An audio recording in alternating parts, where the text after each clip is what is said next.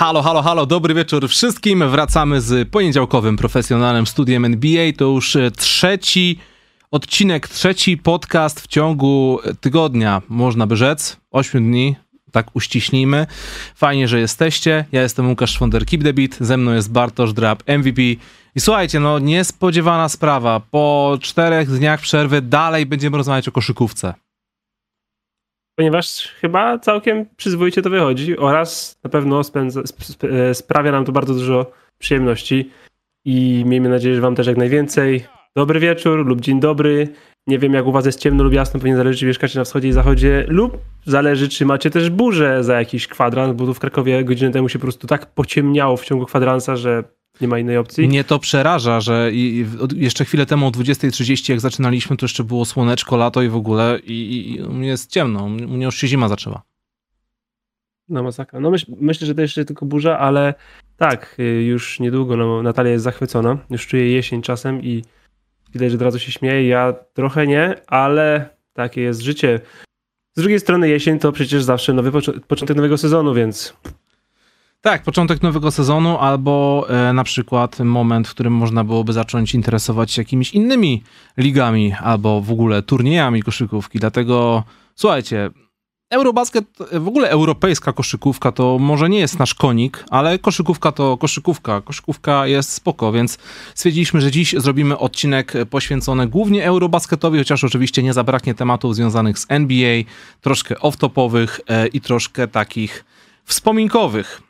Ale na początku zachęcamy wszystkich do zostawienia kciuka w górę, do subskrypcji tego kanału, kliknijcie tam koniecznie w dzwonek, tam dajcie, e, zaznacz wszystkie powiadomienia, coś takiego, żebyście dostawali te powiadomienia. E, pozdrawiam też wszystkich słuchaczy na Spotify, Google, Apple Podcasts. E, jeśli chcecie posłuchać ostatniego odcinka, tego czwartkowego, to wybaczcie, ale musicie musicie to odczuć na własnej skórze i na własnych uszach, odpalając je tylko i wyłącznie na YouTubie, ponieważ stwierdziliśmy, że chyba zepsujemy sobie wszystkie statystyki i algorytmy na Spotify'u, jeśli taką jakość wpuścimy tam.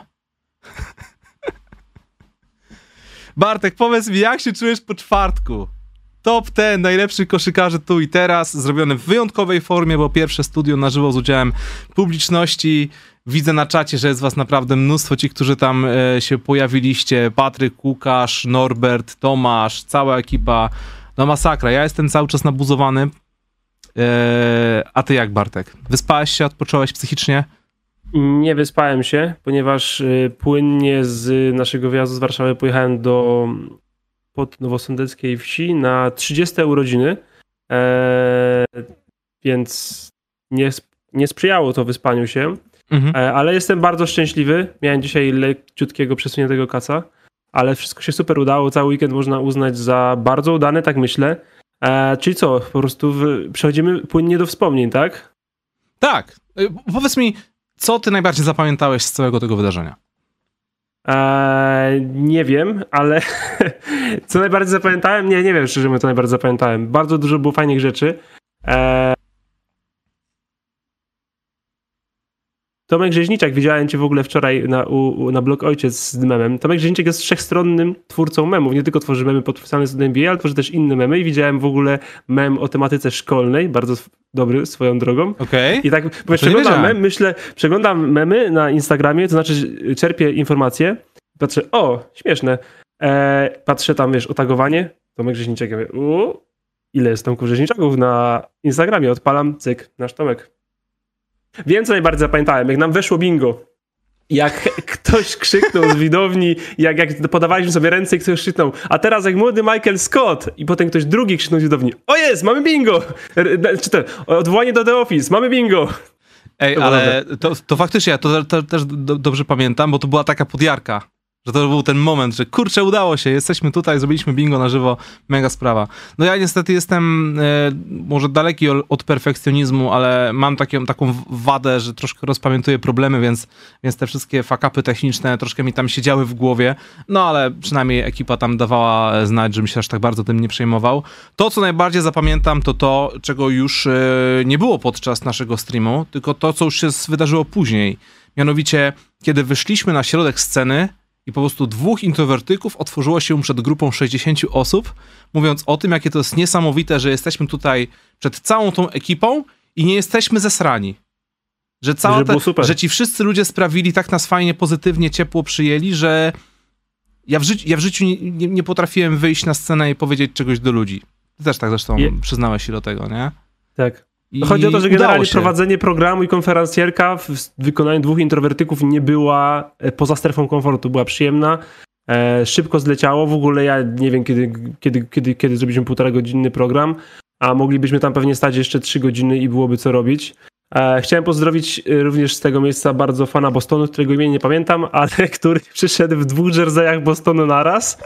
Tak. I powiedział nam, że chciał nas przywitać bardzo i pozdrowić, ale jedna z biografii Kevina Garneta została przez nas nieostrożnie odłożona na ziemię i on tego nie może przeboleć i wyszedł do nas z pretensjami, jak mogliśmy Kevina Garneta położyć na ziemi, bo on miał koszulkę Berda chyba, 33, a zaraz pod nią miał piątkę Garneta. Tak. E, I wziął tą, wziął tą książkę ze sobą, powiedział, że nie chce żadnej innej nagrody, ani żadnego innego prezentu, on chce tylko tą książkę, która leży na ziemi, ponieważ nie wolno tak szkalować Kevina Garneta. Właśnie, bo to była ta sama osoba, że my daliśmy książkę Garneta, on powiedział, ja tej nie chcę, ja, ja chcę tą, którą tam ja odłożyłeś, tam, tą, co wyrzuciłeś. Dokładnie. E, Mateusz z Noin, ciebie też bardzo serdecznie pozdrawiam e, za to, że przyszedłeś w koszulce Liverpoolu tylko po to, żeby mnie striggerować. Mhm. E, za, za, za 20 minut Manchester United gra z Liverpoolem i pewnie to nie będzie przyjemny widok dla mnie. Wszystkich pozdrawiam w koszulkach Bostonu, Sacramento oraz Liverpoolu. Jesteście w porządku. No, kolega jak przyszedł koszulce Sacramento, to już ewidentnie wiedział, co robi, nie? Koszulkę, kolega, który wziął czapkę e, LA Clippers, też pozdrawiam bardzo.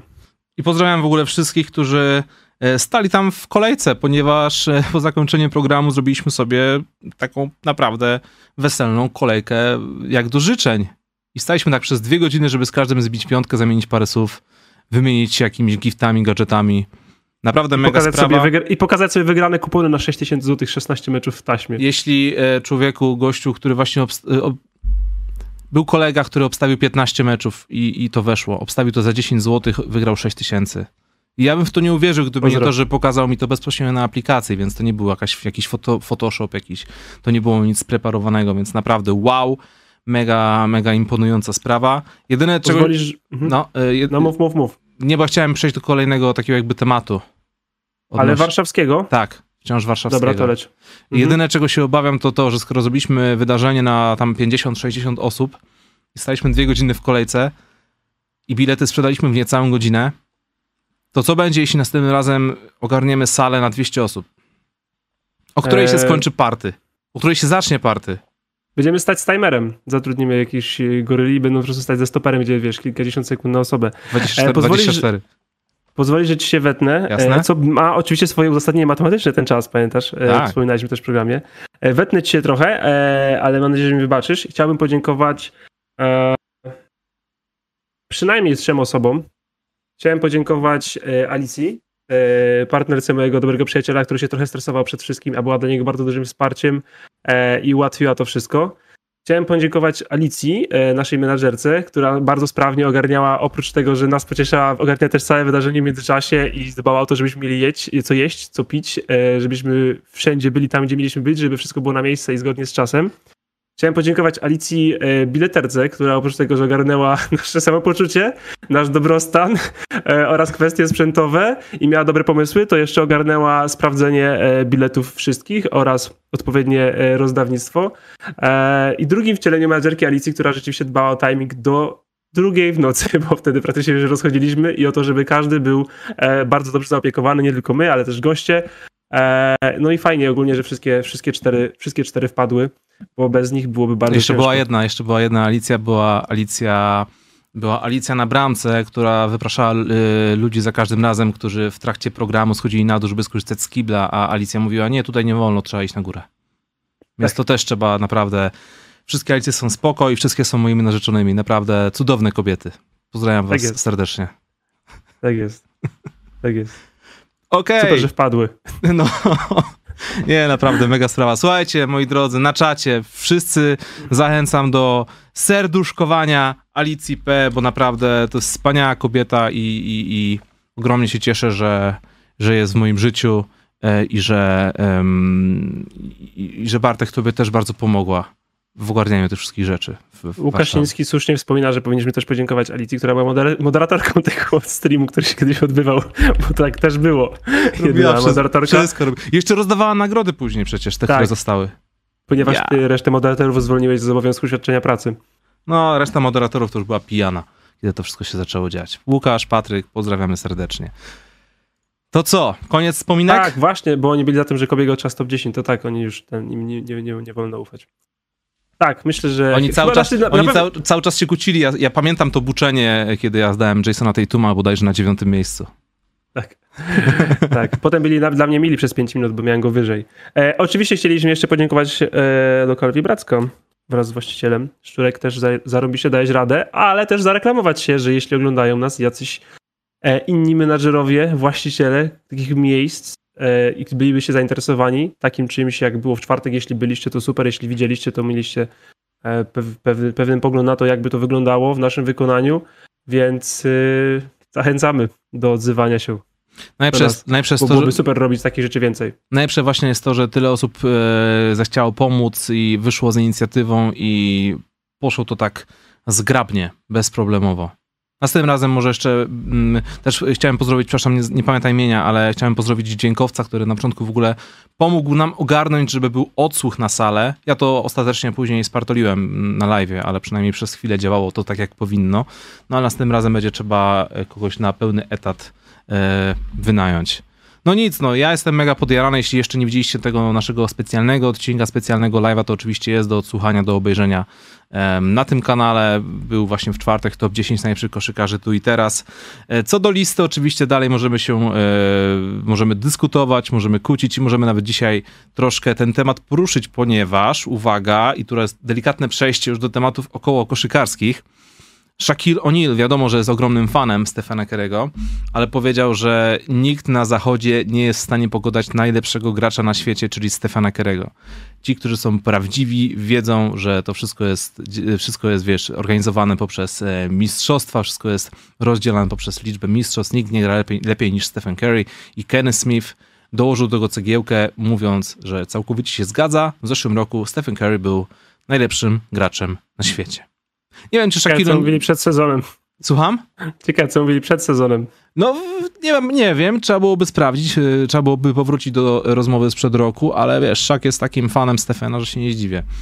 Byli, gdyby byli tak profesjonalni jak my, to mieliby przygotowane swoje listy sprzed roku albo te jakieś sprzed roku i dopiero od- odnieśliby się do konfrontacji tych, tych dwóch poglądów, a nie. Teraz to każdy cwaniak może powiedzieć, że Kary był najlepszy, jak dostał MVP finałów. Tak. Dlatego ja go miałem na którym miejscu? Drugim, nie? Tak i przez to... Ja wiem, czemu Eee. 90% publiczności uznało, że twoja lista jest lepsza. Bo była lepsza? Nie, bo widziałeś w jakich koszulkach oni tam byli? W koszulkach Cavs, w koszulkach Bostonu. Dziwisz się? Wszyscy tam nienawidzą Stefana Kerego. Myślę, że to jest bardzo naciągana teoria. Ja myślę, że właśnie ty specjalnie umieściłeś go wyżej, e, żeby ukraść to głosowanie. Ale ja zastanowię się jeszcze, czy nie pisać czegoś na Twitterze i na przykład nie zrobić rajdu na Kapitol. Dobra.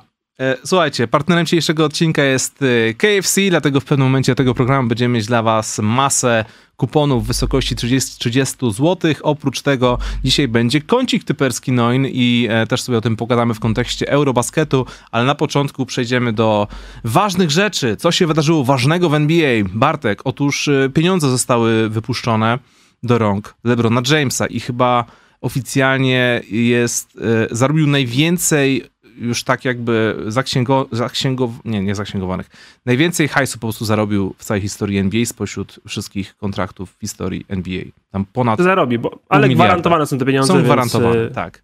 E, tak. Podpisał dwuletnią umowę w wysokości 97 milionów.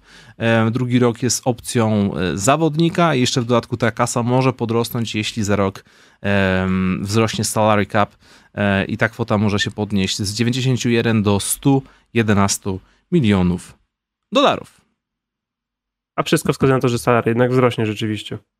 Tak jest. W sensie wyniki finansowe na to wskazują. Jedyne, co może powstrzymać to, no to ewentualny lockout, ale jeśli chodzi o wyniki finansowe, to naprawdę musiałoby się wydarzyć trzęsienie ziemi albo inna pandemia, żeby, żeby, żeby, żeby takie coś nie miało miejsca, bo NBA sobie radzi finansowo znakomicie.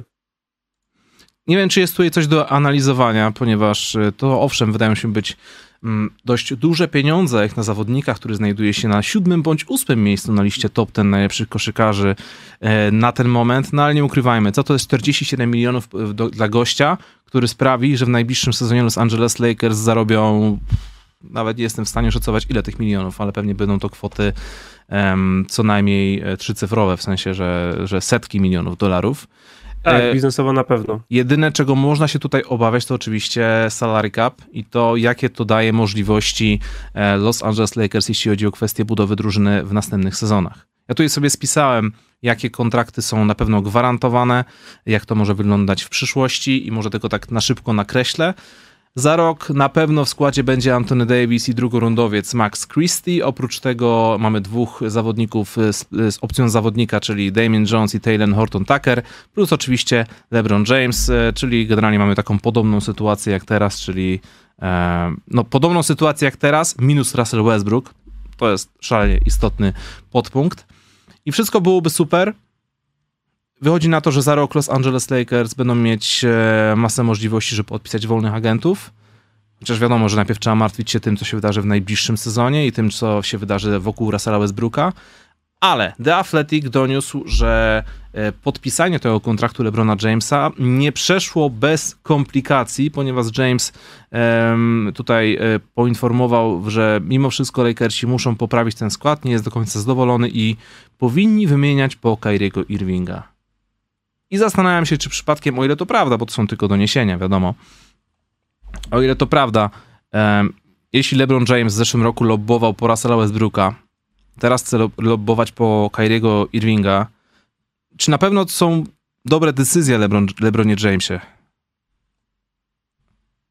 E, nie byłyby to na pewno pierwsze decyzje w, w obozie Lakers. Zacznę może od tego, od tego rosteru na przyszły rok, co powiedziałeś. Telen Horton Tucker to jest tak fatalny kontrakt y, i nawet nie chodzi mi o jego wartość na boisku, bo ja go bardzo lubię jako zawodnika, ale konstrukcja tego kontraktu jest tak beznadziejna, że tak, dali mu opcję zawodnika, w tym dość, kontrakt był wysoki od początku, tak, bo przecież wybrali go ponad Caruso, czyli sprawdzonym weteranie, e, licząc naprawdę mocno na jego upside, ale tak, dajesz trochę zawyżony kontrakt z, z nadzieją na upside zawodnika i mhm. dajesz mu opcję gracza. Co, to, co, ta opcja znacza, co ta opcja gracza oznacza dla Lakers w przyszłym sezonie? Jeśli Taylor Horton Tucker będzie kolejny sezon nie dość dobry, to po prostu tę opcję podejmie, będziesz jeszcze rok udopiony z gościem, który się nie rozwija. A jeśli Taylor Horton Tucker rozbłyśnie w tym sezonie, tak jak wszyscy mają nadzieję, odstąpi od tej opcji i będziesz dać jeszcze więcej pieniędzy. Mhm. Albo ktoś inny ci go zgarnie, kiedy przepłacałeś za niego, kiedy nie był dość dobry, w końcu mu się udało i po prostu siłanko Lakersi. Eee, absolutnie fatalna konstrukcja tego kontraktu. Bardzo serdeczne gratulacje dla, dla, dla Roba Pelinki. E, druga sprawa to kontrakt LeBrona Jamesa, tak jak mówisz, bardzo, bardzo wysoki dla zawodnika e, w słusznym wieku, ale który wciąż był twoim najlepszym zawodnikiem w tamtym sezonie, więc wydaje mi się, że no, tutaj nie było dużych opcji. Co zamy- czemu to zamyka, e, tak naprawdę się chodzi, to jest być może to za wysoki kontrakt, a i tak Lakersi powinni być szczęśliwi, że LeBron go podpisał. Jak zobaczyłem ten tweet o tym, że to się wydarzyło, pierwsza moja myśl, Nieźle, w sensie czemu LeBron to zrobiłeś już teraz? Mogłeś poczekać cały rok i chodzić do mediów i srać na Roba Pelinka zdjęcie, e, aż nie wymieni Russella Westbrooka i mogłeś mieć tą presję, w sensie mogłeś mhm. mieć ten argument i w ogóle, teraz straciłeś. To jasne, że oczywiście e, te, te potem poszły te raporty, że LeBron James dalej jest przekonany o tym, że powinien się roster wzmocnić. Szok, wszyscy tak wiemy. Mhm. E, I będzie naciskał na, na, na drużynę, ale po prostu odebrał sobie jeden atut z tej ręki, co jest dobrym wsparciem dla organizacji, a niekoniecznie dla samego LeBrona Jamesa. No i kontrakt jest niby dwuletni, a tak naprawdę to mówię, te opcje gracza to są kontrakty jednoroczne, bo o to chodzi, że LeBron, nie wiem, będzie fatalny, rozsypie się, podejmie opcję, e, będzie dobry, to tak pewnie odstąpi od tego kontraktu i poprosi o kolejny dwuletni kontrakt maksymalny, znowu z opcją, a, bo to już też to ograniczenie e, w wieku powyżej 38 lat, no ale tak naprawdę czemu miałby nie odstąpić, jeśli wiedział, że podpisze kolejny dwuletni e, kontrakt. To, co zabiera to Lakersom, to jest ta opcja tego, że hej, LeBron może odstąpi albo stanie się wolnym agentem w przyszłym roku i Lakersi będą mogli poużywać trochę tej kasy, mhm. a potem podpisać go ponad salary. Już wiemy, że to nie ma miejsca, kontrakt jest przedłużony, więc ta kasa znika z potencjalnego salary. Na pewno nie będzie czegoś e, w stylu ala James Harden e, w tym sezonie, czyli właśnie odstąpienie, użycie kasy i potem ewentualnie trochę niższy kontrakt albo wysoki, ale później. Te karty są Lakersów z ręki odebrane, e, ale tak jak mówisz i do tego, do czego się to wszystko sprowadza, bez dalszych transferów ten skład i tak nie idzie w żadnym kierunku. a fajnie mieć dwóch najlepszych zawodników pod kontraktami, ale jeszcze jeden z nich ma 38 lat, to fajnie byłoby mieć też obok nich coś. A Damian Jones podejmujący minimalną opcję, Jalen Horton Tucker trochę wyższą, e, drugorundowy pik i trochę salary, nawet jeśli to jest salary w Lakers, które ok, no jest dużo więcej warte niż salary Charlotte, mhm. z całym szacunkiem, to nie nastraja optymistycznie ani na ten, ani przyszły sezon. A ta wymiana Westbrooka po Kyriego, teraz rzeczywiście Brooklyn, e, myślę, że to jest w ogóle wszystko, to jest kwestia agentów. W sensie e, poszedł raport, że Lakers, że LeBron mówi, że tak, że Lakers tak muszą mieć po Kyrie, więc potem Netsi szybko puścili przecieki do mediów, że nie, nie, nie, Netsi wcale nie chcą handlować Kyrie, Netsi kochałem Kyrie i w ogóle uważam, najfajniejszy zawodnik. Tak, totalnie to się zgadza z tym, że dali mu jednoroczny, jednoroczny kontrakt zamiast pięcioletniego. Mhm, tak, ekstra, to jest, no w ogóle nie chcą nim handlować, są zachwyceni, żeby został w tej niepewności u nich. E, więc to jest po prostu taka wojna agentów, wojna fałszywych przecieków.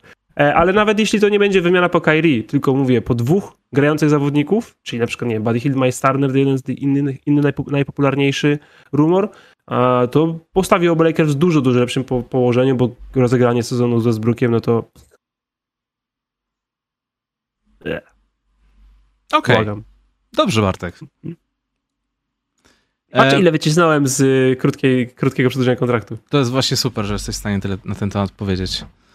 E, jeszcze pewnie do tego wrócimy we wrześniu, jak już będziemy ustawiać wszystkie te um, zapowiedzi e, drużyn w najbliższym jak sezonie. Zaczną się, jak zaczną się obozy, ktoś na nie nie przyjedzie i wszystkie transfery, plotki zatoczą koło. Tak. I wszystko do nas wróci. Kolejny temat to e, dalsze mecze w ligach półzawodowych, ligach półamatorskich, półzawodowych. Tym razem poruszymy temat tego, co wydarzyło się w Seattle. To jest liga Jamala Crawforda. Liga się nazywa The Crossover, The Crossover ale tak inaczej zapisane niż normalnie crossover. Macie po prawej na górze w ramce. E, Jamal Crawford w, te, w, telewizji w NBA Today mm, z, z, powiedział bardzo fajną rzecz, która była najlepszą opcją, najlepszą reklamą tego, co on w ogóle tam robi. Mianowicie on pyta się dzieciaków, kogo chcieliby zobaczyć i próbuje zaprosić tych zawodników na mecze, które są po prostu darmowe. W Seattle wiadomo, nie mamy już drużyny Supersonics od lat, ale Seattle wciąż są głodni tej koszykówki, więc e, ta liga świetnie, że istnieje, świetnie, że Jamal Crawford tam namawia swoich kolegów e, z NBA, żeby przyszli grać, żeby mogli zobaczyć ich. Um, no i przyszli, zobaczyli, były kolejki 24 godziny wcześniej, ludzie namioty roz, y, tam rozkładali, kosze jakieś najazdowe y, przy, przywozili, żeby pykać sobie jeden na jednego w kolejce e, do otwarcia hali. Wszystko byłoby super, gdyby nie to, że troszkę za dużo osób pojawiło się na tej sali. Warunki zrobiły się e, niebezpieczne z kilku różnych powodów, o tym za chwilę, ale najpierw, e, najpierw te dobre rzeczy. Na boisku zobaczyliśmy Cheta Holmgrena, zobaczyliśmy Dejonte Moreya oraz y, Paolo Banquero, czyli nasz ulubiony beef tych wakacji, chociaż w tym przypadku akurat było bardzo kulturalnie i panowie tam zbijali sobie piątki, nawet się śmiali ze sobą, więc już po temacie. LeBron James oraz Aaron Gordon zrobili sobie pokaz wsadów na rozgrzewce. Aaron Gordon rzucił sobie y, od ściany hali i zapakował tyłem i to było bardzo sympatyczne. Isaiah Thomas zagrał, i się było takie jedno zdjęcie grupowe, to Isaiah Thomas był chyba najbardziej uśmiechnięty, najbardziej szczęśliwy ze wszystkich, że może sobie gra, zagrać właśnie z takimi zawodnikami. Był Jamal Crawford, był Jason Tatum, chyba najlepszy zawodnik w ogóle podczas tego fragmentu meczu, który się w ogóle odbył. E, I wszystko byłoby super, gdyby nie to, że po pierwsze osób na hali było zdecydowanie za dużo i kiedy LeBron James wchodził, wyglądało to troszkę tak, jakby na parkiet wchodził Bóg, i każdy chciał dotknąć tego Boga, zjawić, wiesz, pojawić się te 3 centymetry obok niego, walnąć sobie selfiaka. I widziałem gości, którzy mieli w prawej ręce lustrzanki i w lewej telefony i cały czas tylko cykali, żeby, cykali milion zdjęć, żeby złapać to jedno fajne zdjęcie i nie wiem, dla mnie to było troszkę klaustrofobiczne, w sensie ja domyślam się, że LeBron James jest na świeczniku gościem już od e, ponad 20 e, lat i dla niego to pewnie mm, wcale nie była taka dziwna sytuacja, no ale mimo wszystko rzuca się na ciebie tabun ludzi. Wystarczy jakaś jedna ba za bardzo rozhisteryzowana osoba, e, jakie, jakaś, jakiś, jakiś wariat, ktokolwiek, nie wiem, chociażby znowu temat COVID-u wraca czy coś i, i może się to skończyć troszkę tak średnio fajnie. I troszkę mnie to zdziwiło, czemu e, ochrona nie zrobiła jakiejś, nie wiem, klatki wokół Lebrona, żeby miał to chociaż ten metr przestrzeni. Nie wiem, co, co, ty, o tym, co ty o tym myślisz? Fajnie, że celebryci mogą w, do, wejść do grona ale też to okropnie zabrzmi, no. zwykłych ludzi mhm. i nie muszą mieć tych chroniarzy zawsze, chociaż rzeczywiście była to taka sytuacja, można powiedzieć, z pogranicza, bo potem przecież, kiedy ktoś dotknął Lebrona na rozgrzewce, ochroniarze przybiegli w kilka sekund. Tak. E, I szybko, szybko, szybko roz, rozsądzili, że jednak LeBron jest nietykalny na tej hali. E, nie wiem, nie mam jakiejś znacznej oceny tutaj e, tego wszystkiego. Super, że ta liga się dzieje i z tego, tego, z tego względu, co, co Jamal Crawford powiedział, to w ogóle strasznie ujmujące słowa, że odebrali z Seattle koszykówkę, więc mamy tą ligę, staram się, żeby jak najlepsza, po prostu idę pytać dzieciaki, kogo chcą zobaczyć i staram się ogarnąć, co się da. W tym roku udało się naprawdę nieźle. Nie wiem, czy może ja jakoś e, mam braki w pamięci, ale wydaje mi się, że poprzednie edycje nie były aż tak dobre, mhm. e, jeśli chodzi o obfitość e, zawodników gwiazd ligi NBA. Fajnie, że zdrowy rozsądek wziął górę przez cały wieczór kiedy trzeba było mecz przerwać, to przerwano. Nawet jeśli to było tylko półtorej kwarty, chociaż nie przeszkodziło to Jasonowi Tatumowi rzucić 20 punktów. Cieszę się, że mam go tak wysoko na swojej liście. E, e, no i co? No i w ogóle, no nie no, bardzo budujące to obrazki. Te kolejka też, chociaż daje może, może trochę kiepskie flashbacki, ale to, że sobie rozegrali turniej jeden na jeden ten w kolejce i że wszyscy byli i się tak strasznie rali, to ja myślę, że to jest mega sprawa. Nawet tych konkursadów czy kilkanaście minut koszykówki. A nawet jeśli ona nie byłaby na jakimś niesamowitym poziomie, bo przecież w tym momencie przerwania meczu to e, był, z tego, co, co, co każe, to wynik wskazywał, że drużyna LeBrona i Tatum przegrywała, więc nie wiem, Eee, a propos tego zdjęcia, co wspomniałeś jeszcze, ten Isaiah Thomas i Chet Holmgren, świetne jest to, że ktoś powiększył to zdjęcie na tyle, żeby zobaczyć, hej, Isaiah Thomas ma XL-kę, koszulkę, a mhm. Chet Holmgren L-kę. Serio? Mimo, że, tak. Mimo, że dzieli jakieś 40-50 centymetrów wzrostu. Ale to jest, wiesz, to jest eee. różnica wychowania. Może Isaiah Thomas wychował tak, się na, wiesz, na G-Unitach i w ogóle, a Chet Holmgren... Na Iversonie. Chet Holmgren to już, wiesz, slim fity nosi. Dokładnie, dokładnie. E, więc, to, więc to wszystko bardzo fajnie. E, no i dobrze, że tak się to skończyło, bo rzeczywiście może mogło się skończyć gorzej i pewnie jakby coś się wtedy, coś, powiedzmy, że rzeczywiście ktoś zrobił coś Lebronowi, albo chociaż rzeczywiście istniało realne zagrożenie, to byśmy zawodników na takich ligach nie zobaczyli przez kolejne 5 lat. Mhm. A, a tak to raczej nic takiego nie będzie miało miejsca. Był spory hype e, i no powinno dać to kopa tym wszystkim ligom, a wiesz, nawet na takim poziomie więcej koszkówki, tym lepiej. Mecz się w ogóle skończył przed pierwszą połową z powodu takiego, że było za dużo ludzi na boisku i było zdecydowanie zbyt wilgotno przez to na hali. Um, wszystko zaczęło się skraplać, parkiet zaczął być strasznie śliski, tam w pewnym momencie Chet Holmgren lekko podkręcił kostkę, chociaż na ile to była kwestia e, mokrego parkietu, a na ile to, że LeBron James po prostu biegł w niego w kontrze, to ciężko ocenić. Um, ale przed e, pierwszą połową była taka sytuacja, gdzie jeden z zawodników biegł sam na sam z koszem. Eee, gdzieś tutaj go zapisałem, kto to jest, ale nie, nie mam tego chyba tutaj przed sobą. Marjon, Marjon, Marjon był champ eee, i podkręcił, nie wiem czy podkręcił kostkę, ale generalnie się pośliznął, wyglądało to średnio i najwidoczniej LeBron uznał, ok, to nie są bezpieczne warunki do gry. Musimy teraz zakończyć ten mecz, fajnie było. To podobno sam Jamal Crawford y, podjął tą decyzję. O. Jezu, AXIO. Thomas XL, ale dziecięca. Body shaming. Nie śmieszy. E, że Jamal Crawford sam podjął tę decyzję, ale no myślę, że generalnie, nawet jeśli by tak nie było, to LeBron to po prostu by świat powiedział, że no, no spokojnie, na 38 no. lat. Skończyłem już ale Jupa i dałem pakę na koniec pierwszej kwarty, niech, niech biegają młodsi.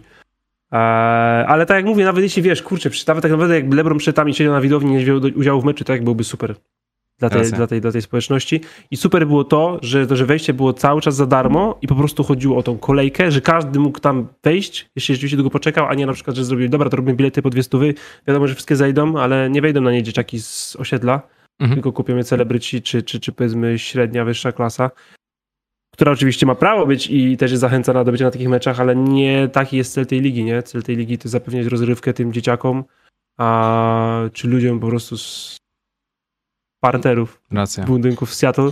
E, więc, więc mega, mega propsy dla Jamara Crawforda, który też, kurczę, przecież on wciąż ma w nogach, nie? Jak oglądałem jego highlighty, on wciąż ma w nogach, nie?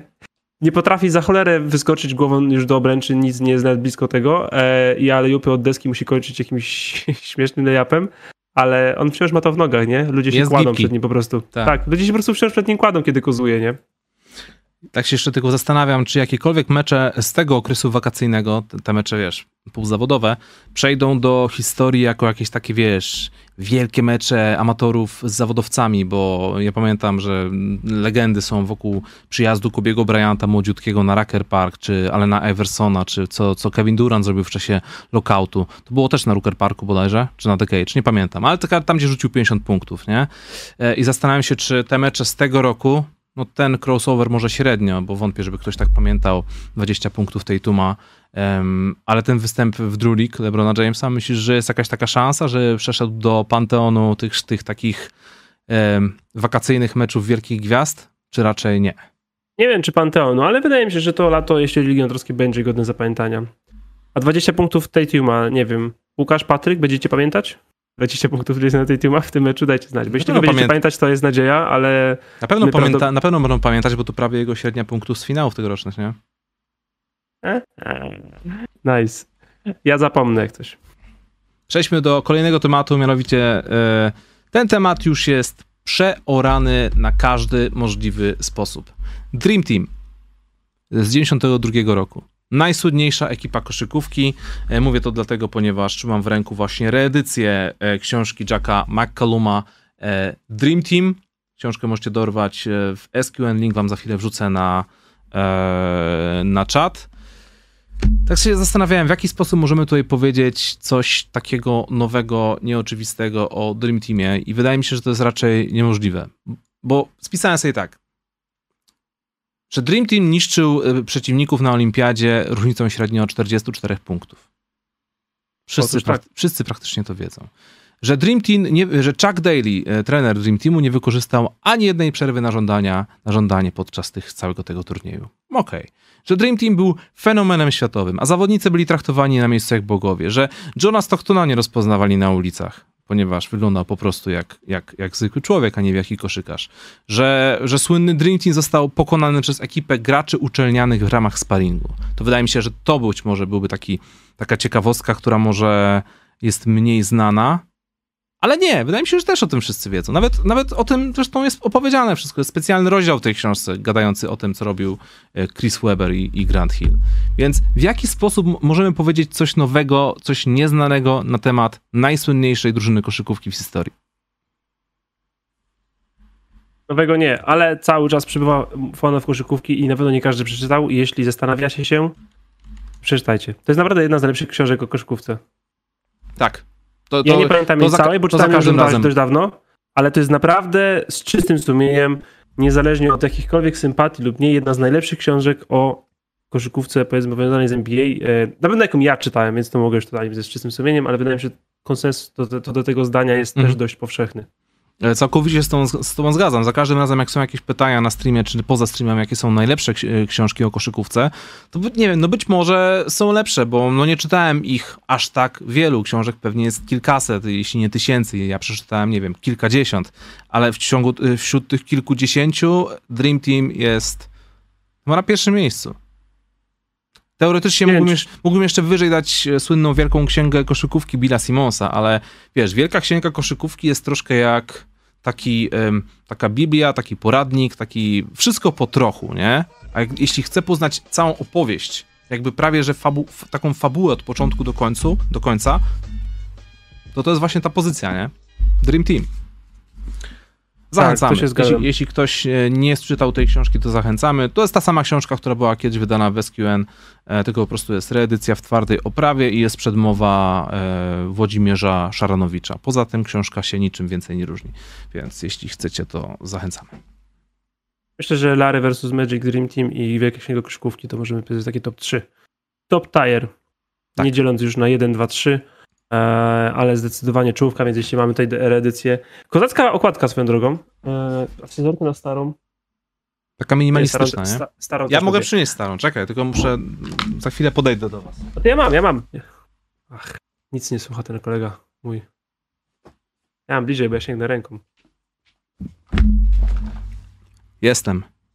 Ja bym sięgnął ręką po prostu, Łukasz. Nic nie słuchasz mnie.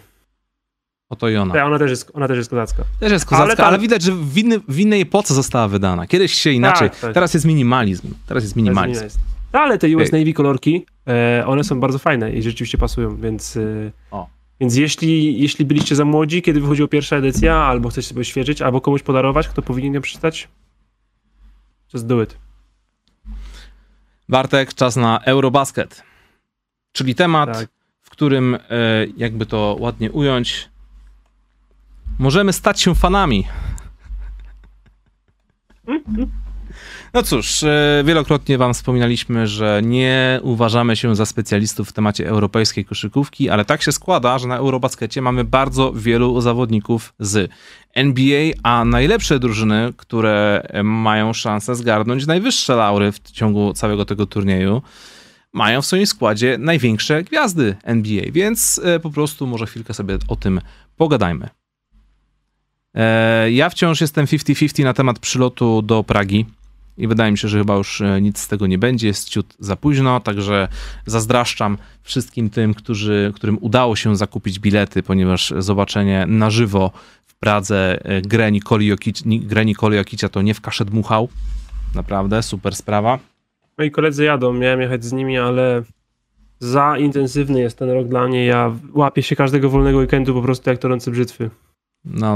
rozumiem. Okej. Okay. Bartek. E, zdążyłem sobie obejrzeć mm, dwa mecze. Grecja versus Polska, ponieważ chciałem zobaczyć, jak Janis sobie radzi grając z naszą kadrą, oraz Serbia ze Słowenią, czyli wielki pojedynek Nikoli Jokicia z, Luko, e, z Luką Donciciem. I no powiedzmy sobie to wprost, ten, to są tylko mecze sparingowe, prawda? To, to, to, się, do, do, niczego to się nie wlicza, to nie jest istotne, ale ten mecz Serbia i Słowenia to był najprawdziwszy hit, to była najlepsza koszykówka ostatnich dwóch miesięcy. E, wszędzie to było Łukasz, repostowane. A Nie, wszędzie, wszędzie to było repostowane, mecz miał w ogóle dogrywkę, Luka Doncic zagrał świetne spotkanie, Nikola Jokic również. Mieliśmy też jednego cichego bohatera e, ze Słowenii wiesz, no niby, niby, to, niby taki zwykły mecz sparingowy, ale jednak y, walka była. E, ostatecznie Luka mógł skończyć ten mecz jeszcze przed zakończeniem e, normalnego, regulaminowego czasu gry, ale nie trafił trójki na końcówkę czwartej kwarty. I w dogrywce wielki Wladko Czanczar trafił niesamowity rzut za trzy niecałą minutę przed e, końcem, która dała, dała prowadzenie Słowenii i ten wynik został już e, dowieziony. 34 punkty, 9 asyst Luki Doncicia, 26 punktów, 12 zbiórek oraz 6 asyst Nikoli Jokicia. No, pojedynek na szczycie. Tak, no i właśnie to chodzi, że e, Eurobasket mający w sobie, wiesz, trzech z pięciu topowych zawodników e, na świecie, tak grając tak blisko nas, to i to też jest świetna okazja dla nas, dla kibiców, dla fanów, pokazać, jakie zainteresowanie jest tym. Więc A, jechaniem na halę, B, oglądaniem tego mhm. e, na komputerach, telewizorach, więc, więc super się to dzieje. I co prawda z domu, ale trzeba, trzeba oglądać, no bo raz, że mamy gwiazdy, dwa, że kadra Polski, która w sytuacji jest jaki jest, ale mimo wszystko jest i gra też na tym Eurobaskecie, więc jest to też dobra okazja, żeby pokazać znajomym rodzinie, mhm. bo są to mecze w normalnych porach dla wszystkich z otoczenia. E, więc, więc, więc, więc zdecydowanie powinniśmy okazać zainteresowanie takim turniejowi, jeśli chcemy, żeby mieć jak najwięcej koszkówki dobrej w Europie. Partnerem dzisiejszego odcinka jest KFC. I jak mieliśmy dzisiaj sobie ustalać e, jakąś taką e, nagrodę, kubełka, planszę, to stwierdziłem, że dobrze byłoby wrzucić tutaj na planszę właśnie nikogo innego jak Lukę Doncicia, ponieważ, i tutaj właśnie takie, też takie pytanie do ciebie Bartek, moim typem na MVP całego tego turnieju jest właśnie Luka Doncic. Jak Słowenia jest jedną z najlepszych drużyn podczas, podczas tego Eurobasketu, jest w zdecydowanym gronie faworytów. E, świetne spotkanie przeciwko Serbii, chociaż to następne już troszkę gorzej poszło. Luka Doncic jest niesamowicie zmotywowany, wygląda fit, te zdjęcia jego, jego pierwsze z pierwszych sparingów po prostu obeszły wszędzie social media, ludzie byli w szoku, że jest naprawdę w świetnej formie. E, no i sam Luka mówi, wiadomo, takie trochę oczywiste rzeczy, że celem jest medal, złoty medal, ale powiedział takie jedno fajne zdanie e, odnośnie presji na tym turnieju, że, że dobrze jest żyć z odrobiną presji. I przywołał też e, to, co się wydarzyło 5 lat temu, że 5 lat temu nikt na nas nie stawiał.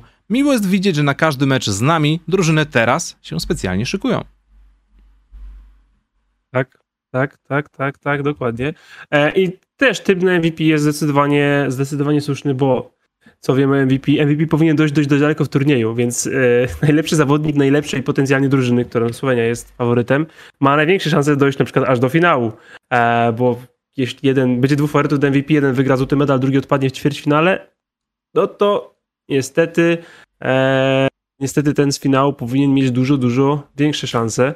E, nie wiem, czy mogę przerywać tak w pół, ale Aleksander ten się pyta, czy jest, czy jest rabat na twoje hasło w Gaminate wciąż? Wydaje mi się, że można byłoby sprawdzić, ale nie jestem pewny. Dobra, to sprawdzimy i. i, i na pewno, na pewno działa rabat y, KTB, y, jeśli chodzi o koszulki i spodenki dla Dime. Okej. Okay. To, to, to, to, tak, taka ciekawostka, jakby ktoś chciał. Tak, inna ciekawostka ważna to jest taka, że Manchester United jeszcze nie przegrywa z Liverpoolem, a już 14 minut minęło. Y, co? Piłka nożna.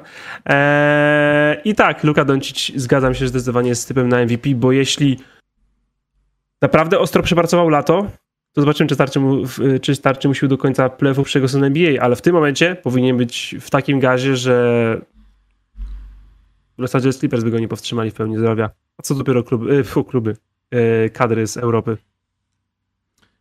Z faktu, że to była nagroda specjalna od KFC, mamy dla Was również taką nagrodę. Mamy dla Was łącznie 14 kodów w wysokości 30 zł do wykorzystania aplikacji KFC. Za chwilę Wam powiem, w jaki sposób je zdobyć. A tymczasem, jeśli poczuliście głód, to oczywiście czeka na Was. No co na Was czeka? Bartek, pamiętasz? Złocista i chrupiąca panierka, soczyste i świeże kurczaki prosto z KFC. Właśnie one. Ale też halloumi. Tak jest. Kurito, klasyczne kubełki z hot mixami, grandery, wszystko.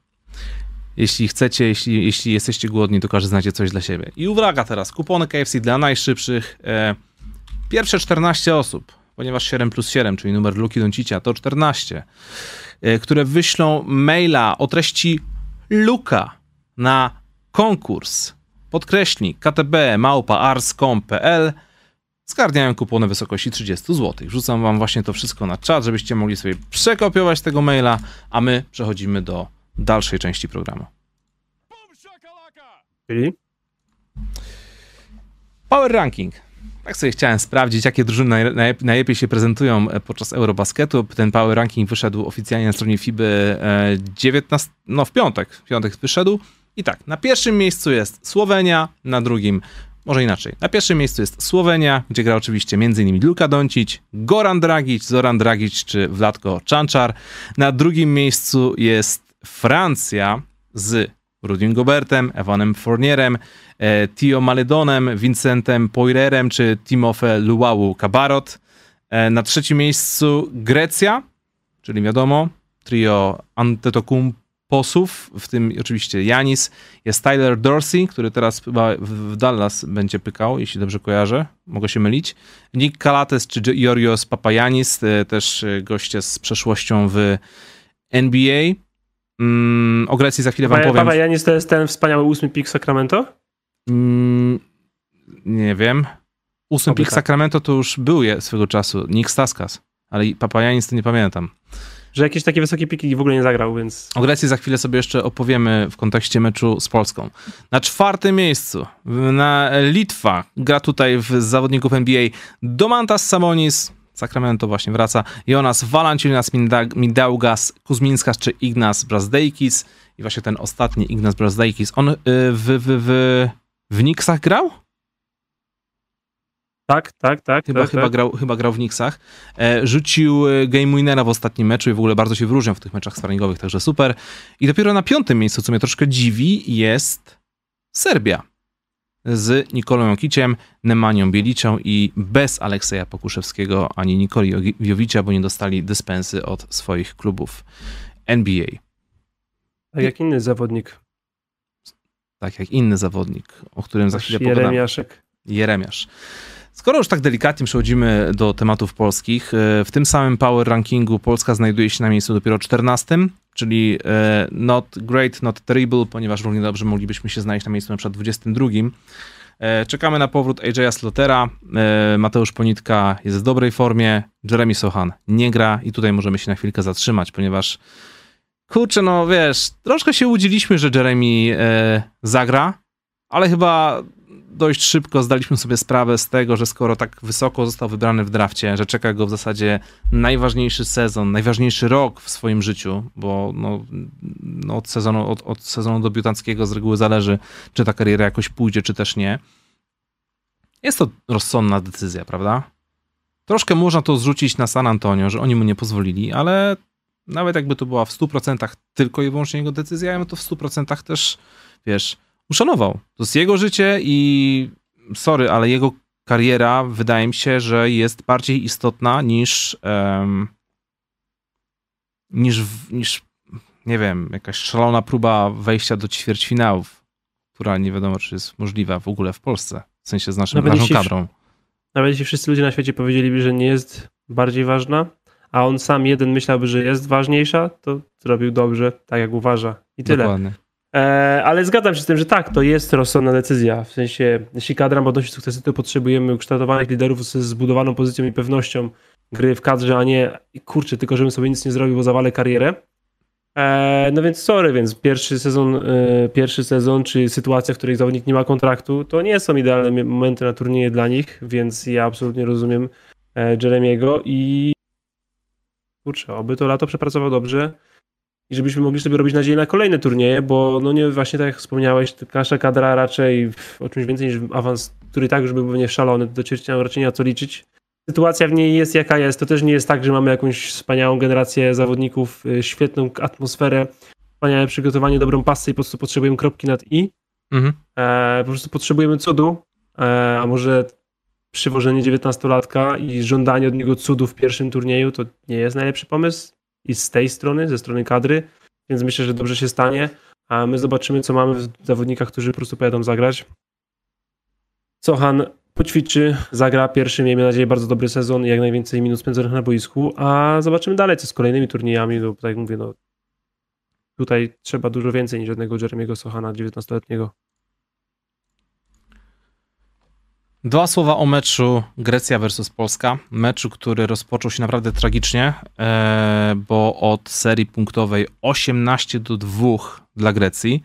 Na całe szczęście Polacy później się mm, zebrali w kupę, doprowadzili nawet do remisu, do remisu przez chwilę nawet prowadzili chyba tam jednym czy dwoma punktami, no ale zaczęła się czwarta kwarta, Grecja odjechała i skończyło się to blowoutem różnicą 23 punktów. No, co tu dużo gadać, jest troszkę różnica między nami a Grecją. E, Janis robił co chciał. Jeśli, jeśli, jeśli, jeśli grać przeciwko Janisowi, który tak o, rzuca sobie trójeczki, no to wiesz, że generalnie on, on wie, że jest zdecydowanie lepszy, skoro sobie pozwala na takie rzuty. No kurczę, no Janis za to kumpu. Starczy sobie odwinąć czwartek, wiedząc, żeby wiedzieć, co nie myślimy, no i sorry, wiem, że zawodnicy naszej kadry to są profesjonaliści, jadą na turniej, są drużyną, ale no to jest versus Janis Antetokounmpo to trochę jednak jak LeBron James drugi. Były to dwa... jest najlepszy zawodnik na świecie. No tak. By, były dwa momenty bardzo takie dla mnie, powiedzmy, że imponujące. Pod koniec meczu Tanazis, Tanazis Antetokounmpo, biegnący na backdoorze na świetną pakę w stylu Szaka. Zawsze każda taka akcja Tanasisa, w którym widzę jego emocje, taki, taki wybuch radości, to jest, to jest coś naprawdę super. A druga, druga kwestia jest taka, że to był nawet e, chwilowy hit Twittera e, polskiego oczywiście. Mateusz Ponitka skrosował Janisa i rzucił mu trójeczkę w papę. Wiadomo, że to jest taka jedna drobna akcja w meczu w blowoutie, ale mimo wszystko, masz to wpisane w CV? Masz to wpisane w CV. To jest akurat super sprawa. Możesz babci opowiedzieć. Ja bym opowiadał swojej babci za każdym razem, jak ją widział o tym. Kurczę, raczej. Jeśli chodzi o w ogóle występy Polaków, co tam się wydarzyło w środku, ponieważ doskonale pewnie zdajecie sobie sprawę o konflikcie Mateusza z Marcelem, te wszystkie artykuły, to wszystko, co tam się działo. E, można, ale nie trzeba tego łączyć z Jeremy Sohanem. Wydaje mi się, że nie ma tu kompletnie żadnego związku, chociaż niektórzy lubią sobie to tak dodać, taką narrację. Coś czuję, że na ten temat e, pogadamy sobie całkiem e, blisko, niebawem, ponieważ podczas live'u Ewinera, zapewne w pierwszym tygodniu września, będziemy razem z Kamilem Hanasem i Marcinem Gortatem, więc, więc wtedy może trochę bardziej na ten temat sobie pogadamy. Chyba, że chcesz tutaj coś dodać, chyba, że się wgłębiłeś w cały ten konflikt, czy wydaje ci się, że, że, że, że nie? Trudne pytanie, Tro, trudne się wylosowało. Trochę, trochę się wgłębiłem, ale chyba nie chcę mówić, bo to dość... No, chyba lepiej nie. Nie chcesz się babrać. Nie chcę się babrać, bo raczej niewiele to dobrego przyniesie, ani jakoś nic odkrywczego raczej tutaj nie zaprezentuje, więc pozwolę wodzie z Odry przepłynąć przede mną. No to ta woda z, woda z Odry to aktualnie jest chyba taka, to właśnie, właśnie to opisałeś, jest taka jak sytuacja no. w kadrze. Więc po prostu da mnie przypłynąć przede mną i ja sobie ją przekroczę, albo poczekam aż przypłynie inna. Rozumiem, bardzo y, ładnie zostało to ujęte. E, ja też nie do końca chcę na ten temat się wypowiadać, ponieważ e, babranie się, babranie się w takich sprawach nie sprawia mi kompletnie żadnej przyjemności i też nie czuję się tutaj jakimś, jakąś wyrocznią, żeby rozmawiać, bo to po prostu nie są moje sprawy i one mnie nie interesują, nawet jeśli to jest publiczne pranie brudów. Interesuje mnie tylko koszykówka, ale coś czuję, że tak czy siak podczas Ewinera e, troszkę tam popuścimy tego tematu. A teraz, uwaga, z faktu, że wciąż gadamy o Eurobaskecie, wracamy z tematem kącika typerskiego Noin, ponieważ e, Noin już założyli nową ligę publiczną eurobasketową. Wystarczy, że pobierzecie aplikację, która jest dostępna i na telefony z Androidem, i na iPhony. E, w wielkim skrócie, gra polega na tym, że typujecie sobie za darmo mecze. Tym razem są to mecze eurobasketowe, a nie mecze NBA. Jeśli dobrze je wytypujecie, to zgarniacie punkty, pniecie się w rankingu, a jeśli jesteście na szczycie tego rankingu, zgarniacie nagrody. W tym przypadku możecie zgarnąć piłki Spaldinga oraz vouchery o wysokości 400 zł do SK Store. W lidze mamy, e, w aplikacji mamy aż trzy ligi związane z Eurobasketem. E, będzie też specjalna liga z, z wyzwaniem MVP Eurobasketu. Także generalnie zapraszamy do zainteresowania się tematem. Pobrania tej aplikacji jest oczywiście całkowicie darmowa. W sensie można tam kupić sobie dostęp do jakichś tam możliwości premium, ale nie jest to konieczne. E, I teraz możemy przejść do typowania. Można też wygrać ten dostęp. Jest to jedna z nagród w, w lidze. E, I bardzo pozdrawiamy Noin. Dawno nie było kącika typerskiego. Let's do it! No, no, z Noinem działamy już trzeci, jak nie czwarty rok. Naprawdę spoko to wszystko działa, więc, więc, więc e, zachęcamy. Tylko tutaj, co można byłoby, co można byłoby wytypować? Kto według ciebie na przykład zdobędzie laury? Jakbyś miał wytypować pierwsze trzy miejsca. Pierwsze trzy miejsca aż? Tak. A, nie no, no myślę, że myślę, że myślę, że drużyna, która już zdobywała złote medale, czyli Słowenia, będę trzymał za nich kciuki na pewno bardzo mocno. Właśnie wydaje mi się, że Luka Doncic może ponownie to zrobić i nie umniejszając nic Janisowi, e, jednak ta umiejętność e, robienia dosłownie wszystkiego, kreowania plus ten szalony rzut za trzy punkty, to wszystko może być jednak no, różnica na plus dla Luki oraz dla jego drużyny. Drużyna mistrzowska już, jeden z najlepszych zawodników na świecie, który nie jest w żaden sposób jednowymiarowy, więc właśnie o to chodzi, że Luka może dawać ci różne rzeczy, które potrzebujesz danego dnia. Eee, no i czasem tak jest, że się myśli, kurczę, no murowany faworyt, w sensie to się na pewno nie uda, to jest sport, ale to nie zawsze tak jest. Czasem murowani faworyci po prostu są murowanymi faworytami i trzymam kciuki, żeby, tutaj też tak było i myślę, że Słowenia wygra. A wygra... Z Grecją w finale?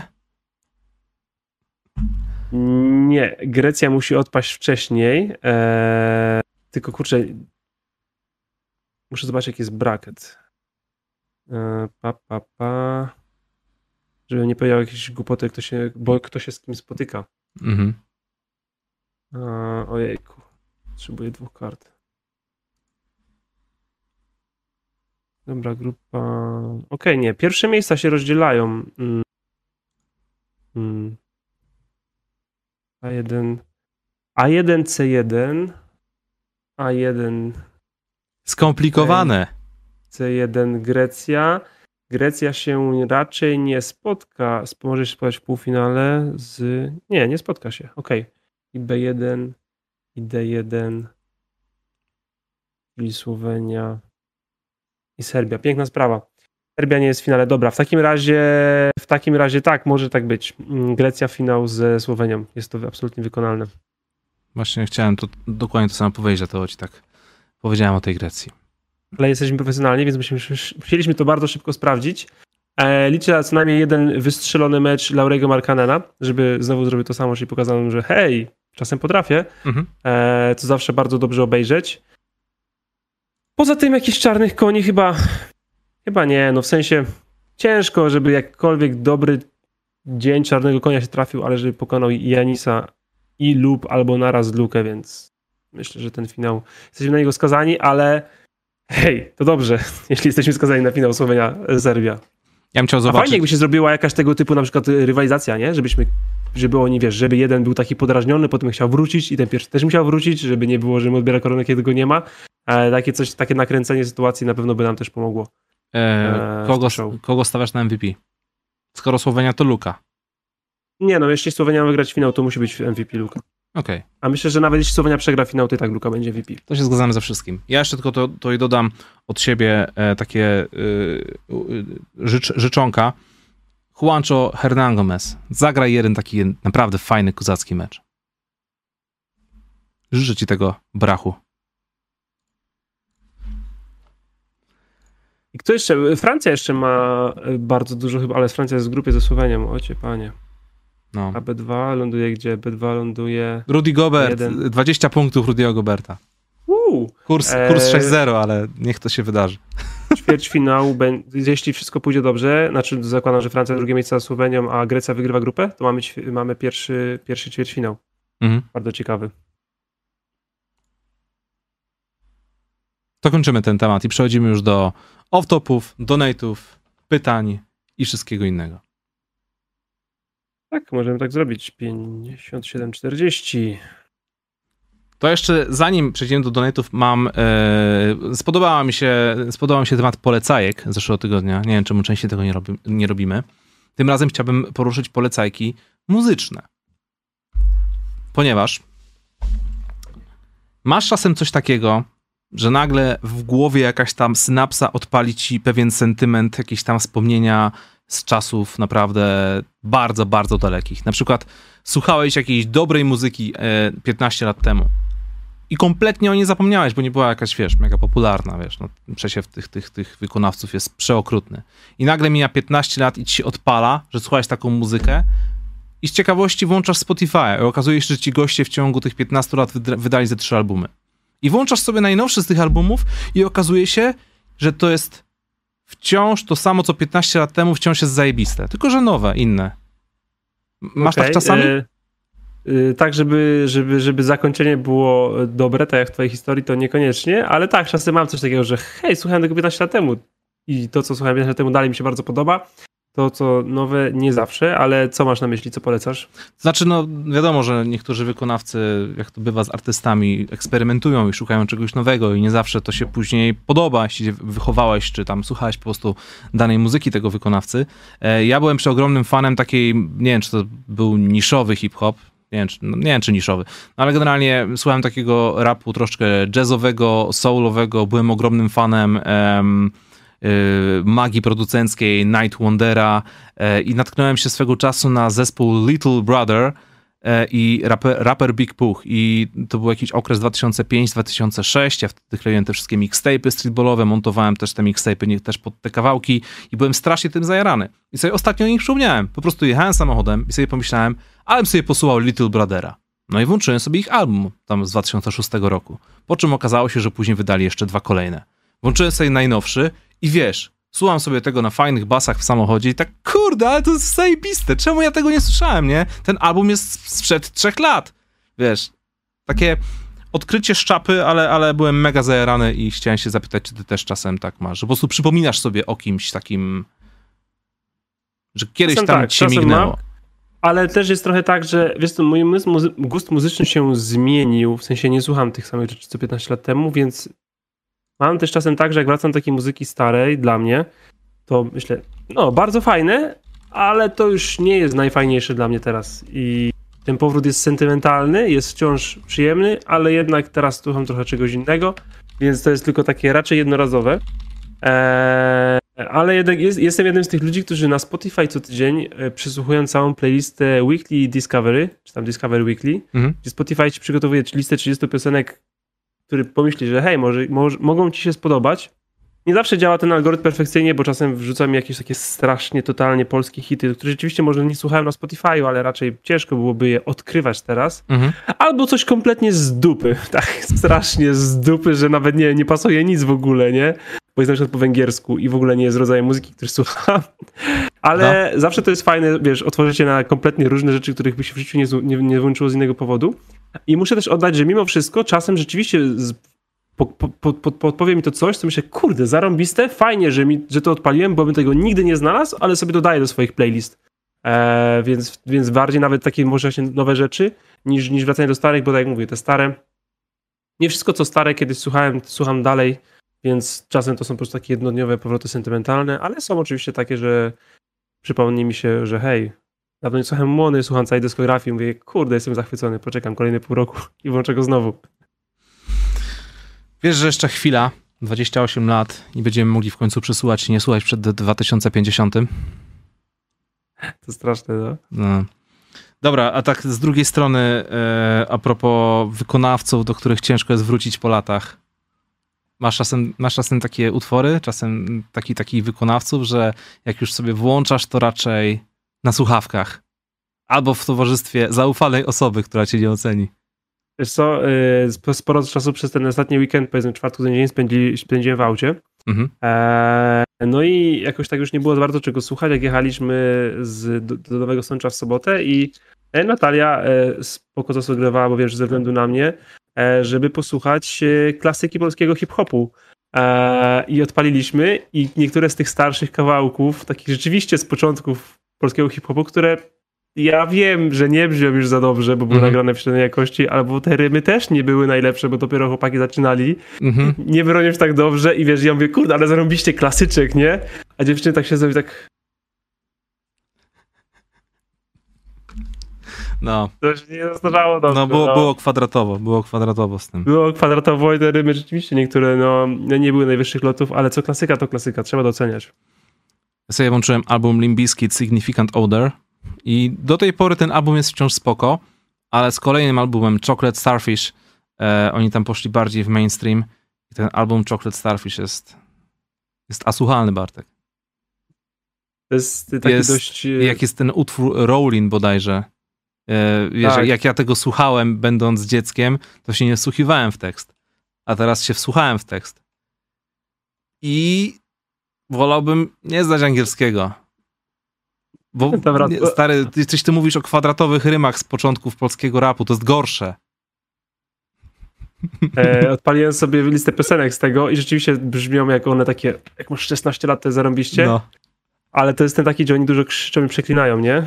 Tak. Nie śpiewają, ale no, Terdel, Jezu, się strasznie boi, zaczyna drapać podłogę.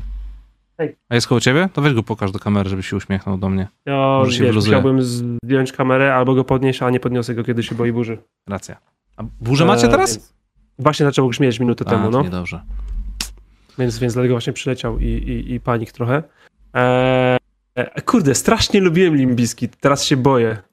Bo kusi, żeby sprawdzić. Uwielbiałem Limbiski swego czasu.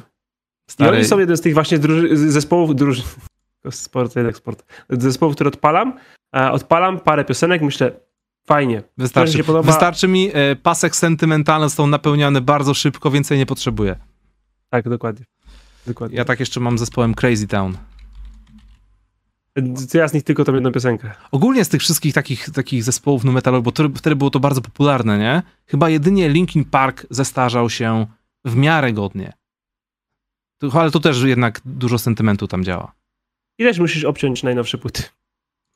Tak. Straszne jest to, że trzeba przynać dużo tych naj, naj, naj, naj, najnowszych płyt. 37 minuta i Manchester United nie dość, że nie przegrywa, to wygrywa z Liverpool 1 do 0. Co to jest? O czym to mówisz do mnie?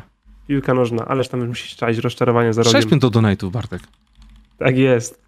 Eryk, pozdrawiam ciebie Eryk. Pierwszy donate dziś, e, siema taki challenge. Gdyby dziś w drafcie pojawiła się następująca piątka. John Stockton, Glenn Rice, Grant Hill, Carmalon, Hakim Olajuwon. Do jakich klubów powinni trafić i dlaczego? Pozdrawiam jest bardzo fajne pytanie. Gdzie tacy zawodnicy by pasowali?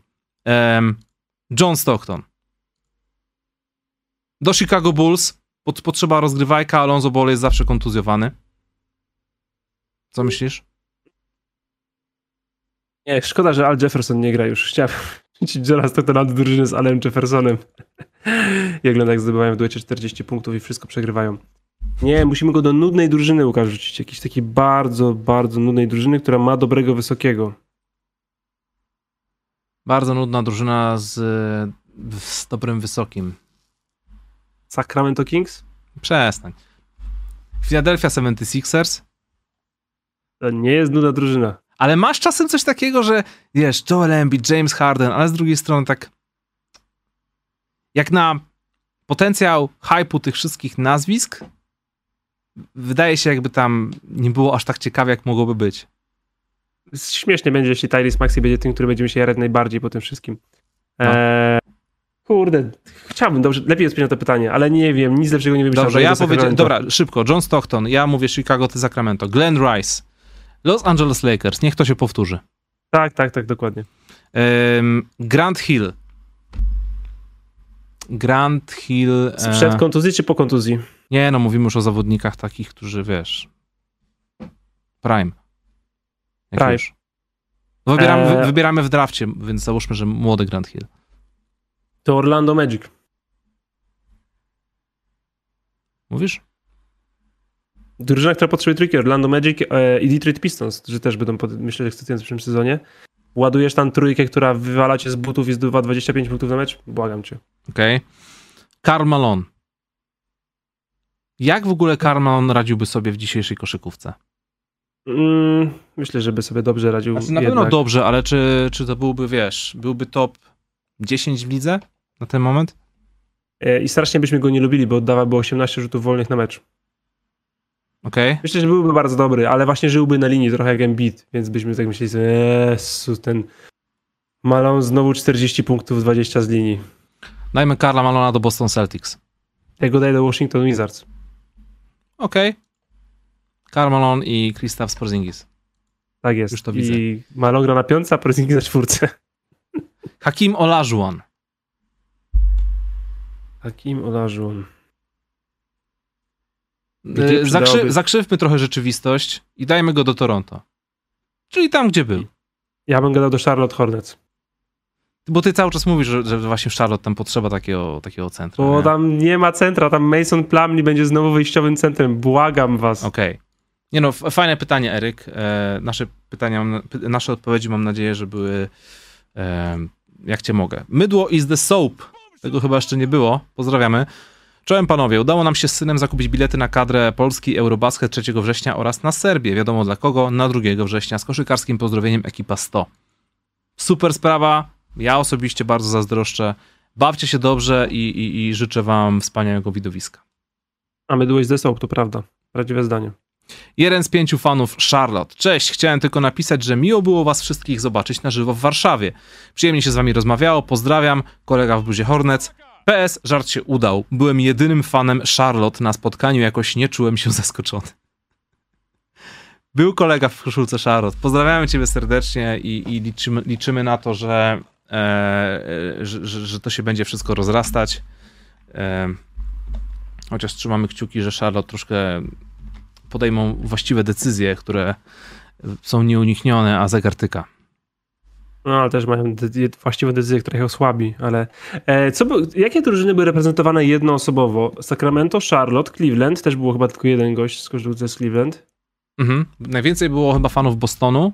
Zdecydowanie było najwięcej fanów Bostonu. Widziałem, było blisko. Widziałem e, chłopaka w koszulce Milwaukee Bucks. Mhm. mhm. Jeremy Sohan oczywiście jeden był. Był Jeremy Sohan, tak, tak, tak. I było trzech albo czterech Donciciów. To, tak, był, to był hit, to było najlepsze, że po prostu jeszcze wiesz, ten t-shirt, ja mam dokładnie ten sam t-shirt i nawet myślałem przez chwilę, czy by go nie założyć na nagranie. I a tu patrzę, jeden zrobić. ziomek w tej, tym t-shircie, drugi ziomek w tym t-shircie. I Lakersi nie byliby w trójce, chyba. A nie wiem. Jeśli chodzi o bycie przedstawicieli. Wydaje mi się, żeby nie byli. Więc disrespect. No. Zupełnie jakby, nie wiem, w 2022 noszenie koszulki Lakers było wiochą. Baran. Dziś nie mogę oglądać, więc donate na początku i suchar. Jak się nazywa mecz gwiazd seniorów? All Star Game. Bądź, bądźcie sobą, dobra robota. Dzięki za żarcik, Baran, pozdrawiam serdecznie. Pozdrawiamy. I jeszcze PS, drugi, drugi donate od kolegi. Najbardziej rozmodlony koszykarz NBA. Kyrie Irving. Kyrie. Irving. Yes. A to, to, to już się gdzieś tam przewijało, ale też dobre. Dziękujemy jeszcze raz. Pozdro, pozdro. E, Kolejny donate jest od Samuraja. Siema, robicie kawał dobrej roboty, uwielbiam was słuchać. Niech solidność was nie opuszcza. Go Spurs Go 2026-2027. Wszyscy fani Spurs, bądźmy cierpliwi. Wembania ma trzeci sezon w NBA First Squad. Jeremy Sohan e, All Defensive Second Skład. Już, czwarty już, po pierwszej, rzędu. już po pierwszej statuetce DPOY. Dokładnie. Niech tak się wydarzy. I wklep od Lakersów prowadzony przez y, Devina Bookera i Antonego Davisa. Tak. E, Jordan is the GOAT. Pozdrawiamy Cię serdecznie. Siema panowie, ograniczając się do obecnego wieku, wybierzcie najsłabszych koszykarsko zwycięzców następujących nagród. MVP, All-Star MVP, no generalnie wszystkich tych najważniejszych. Pozdro dla wszystkich, co byli w czwartek. Mega event i ekipa, a Serdel rządzi. Super było to w ogóle, że przyprowadziliście Serdel za sobą. Tak, teraz się trzęsie pod biurkiem, ale cieszył się bardzo, że mógł wpaść. No, wygląda... Wszyscy mieli rękę do psa, tak się, kto tam podszedł, to nie, nie to, że jakoś sztywka czy coś, wszyscy ładnie do pieseczka. To bardzo kulturalnie. Trzeba chwalić. Masz te listy przy sobie? Najsłabszych koszykarsko. Okej. Okay, możemy. o Jezu. No yy, dobra, All-Star MVP zaczynamy, tak? Yy, All-Star MVP? Ja chciałem najpierw MVP, ale okej. Ja bym All Out All-Star MVP. Wybacz mi, Jordan z tego, bo to jest za, za trudne. Dobra, w sensie... zgadzam się, zgadzam się całkowicie. Dobra, MVP najsłabszy. Yy, z tego wieku, tak? Ej, czemu odebrałeś od, odpowiedź Wes Anseld? Czy jest w donajcie z tego wieku? Z tego wieku. Ajajajajaj, no dobra. No, no. Eee, czy Iverson się łapie? 2000-2001 chyba Tak. się łapie, nie? Tak. Jakbyś chciał e, zacząć rozmawiać e, z fanami języka polskiego, czym jest dekada, to być może byś musiał Nie się chcę. pokłócić na ten temat, ale Nie chcę. uznajmy, że tak, że, że tak. Dobra, no to Steve Nash albo Russell Westbrook. Ja chciałem dać Steve Nasha albo, albo Derricka Rose'a. Derrick Rose to też jest dobra odpowiedź, no. Jest dobra odpowiedź, ale, bo, albo, bo- ale bardzo bolesna. Jest bolesna, ale jest dobra. Mhm. Okej, co dalej? Jedyny MVP, który może nie wejść do Hall of Fame, nie? Cały czas mamy to w głowie. Six Man E- of the Year? Okej. Dobra, to ja odpalam. Tego wieku Six Man of the Year. Co to są za nazwiska? E, Czy najgorszym Six-Manem w tym roku, e, w tym Wieku? roku, Boże, w tym wieku nie był na przykład albo Corliss Williamson z 2002, albo Montres Harrell. Jesteś na Wikipedii? Jestem na ESPN. Okej, widzisz jak są sami shooting guardzi w ogóle? Six Man of the Year to jest naprawdę, kto Tak. zrzucił najwięcej, najwięcej koszy, ławki, no. kto najwięcej naszczelał i nie wychodzi w pierwszej piątce. Ja myślę, że Montres Harrell to jest dobry typ, bo ten gość ma... To był, to był jeden dobry sezon i od tamtej pory coś tak średnio wygląda. Ma 28 lat i 2 lata od zdobycia nagrody najlepszego rezerwowego e, sezonu, nie ma kontraktu w lidze. Mhm. To jest dość, powiedziałbym, spektakularny Dobra, czyli zgadzamy się. Mhm. z e, Montrezlem. E, Defensive Player of the Year od 2000 roku. To jest bardzo ciężki wybór, no bo z reguły są bardzo, ale to bardzo e, dobrzy zawodnicy, nie? I tu raczej No, nie ma też to- przypadków. Chyba, że chcemy naprawdę tutaj dorzucić do pieca i powiedzieć Marcus Smart. No nie, ale właśnie o to chodzi na przykład, bo to ma być najsłabszy zawodnik, tak? I czemu miałbym nie powiedzieć Czekaj, Ben właśnie, czekaj, e, czekaj, e, s, definicja. Wybierzcie najsłabszych koszykarsko zwycięzców. Okej, tak to zostało ujęte. No to ja bym powiedział Ben Wallace, który nie był w stanie walić 70% z putbacków. Ani z osobistych. No tak, ale Ben Wallace jako jedyny obok Dikembe ma cztery takie statuetki. Tak, ale tylko z tej jednej strony, nie? A koszykarsko, jeśli mówimy o dwóch stronach, Mhm. no to ten gość nie był No- w stanie walić 60% z putbacków. Zawsze chodzi o tą 70. kwestię nazewnictwa, nie? Jeśli mamy wybierać najgorszego albo nie wiem. Dobra, jakiegoś- Markus Cambi. Markus Cambi to jest chyba też dobry typ. A, dobra, niech ci będzie. Bo jeśli miałbym zejść dalej, to musiałbym powiedzieć Joakim Noah, nie chcę tego robić. Nie no, Joakim Noah to był y, prototyp Draymonda. Ja, ja tego nie chcę, nie chcę o nim tak mówić. Em, I Rookie of the Year. To co ja z głowy może powiem? Malcolm Brogdon? E. Czy Ty Tyreek Evans? Nie. Emeka ja Okafor. Tylko Okafor wygrał Rookie of the Year, o Jezus Maria. No, to był ten Eee, a czemu nie Michael Carter Williams, Łukasz? Właśnie, nie, zwróciłem, nie zwróciłem uwagi na to nazwisko, a powinienem. Niech będzie Michael Carter Williams. Michael Carter Williams bodajże dwa lata temu, jak, jak robili jakieś mega skomplikowane e, statystyki, rankingi i w ogóle był uznany przez e, jakiegoś tam e, redditowca za jednego z najgorszych zawodników w NBA. I miał na to, wiesz, jakieś tam zaawansowane statystyki, które, wiesz, pokazywały, że jego produktywność jest po prostu ujemna w lidze. A ten pierwszy mecz był taki fenomenalny. Pierwszy mecz, ja się zakochałem w tym gościu, nie? Ja też, ja mówię totalnie, Boże, mam swojego chłopaka, będę mu teraz tak kibicował. No. Ja tak nie pomógł. Ja zawsze miałem słabość do takich właśnie gości, którzy byli troszeczkę jak Magic Johnson. Wysocy rozgrywający, nie? Czy to właśnie właśnie ten Michael Carter Williams, ee, Sean Livingston na przykład, tacy goście, nie? O Jezus, no jasne, że tak. No, Łukasz jak walnie pytaniem, to jest, jest materiał na odcinek. Ej, jesteśmy dalej w konsensusie, że Magic jest najlepszym rozgrywającym w historii, czy chcesz się już kłócić o Stefana Karego? Jeszcze za wcześnie. Dobra, dziękuję. W sensie, daj mi miesiąc. E, kolejny donate, Szewski 12, pozdrawiamy. Moin, pozdrowienia z północnych Niemiec. Co byście powiedzieli na serial w stylu The Office, tylko że w Ministerstwie Magii? Mogłoby być to ciekawe. No, tematyka jest szalenie interesująca, wiadomo, bo, bo, bo Harry Potter e, plus, plus te wszystkie dziwne rzeczy, które tam się w Ministerstwie Magii działy, wręcz niedorzeczne rzeczy. A niedorzeczność to w zasadzie można byłoby tak przetłumaczyć na polskie serial The Office, więc, więc to brzmi sensownie. Ja myślę, że jeśli by robić serial e, o Ministerstwie Magii, to jednak nie byłby komediowy, tylko powinniśmy zrobić taki mroczny z tych czasów, kiedy Voldemort wrócił już do władzy i jakie rzeczy tam się działy, kiedy władza była nie wprost, ale stopniowo przejmowana. Mhm.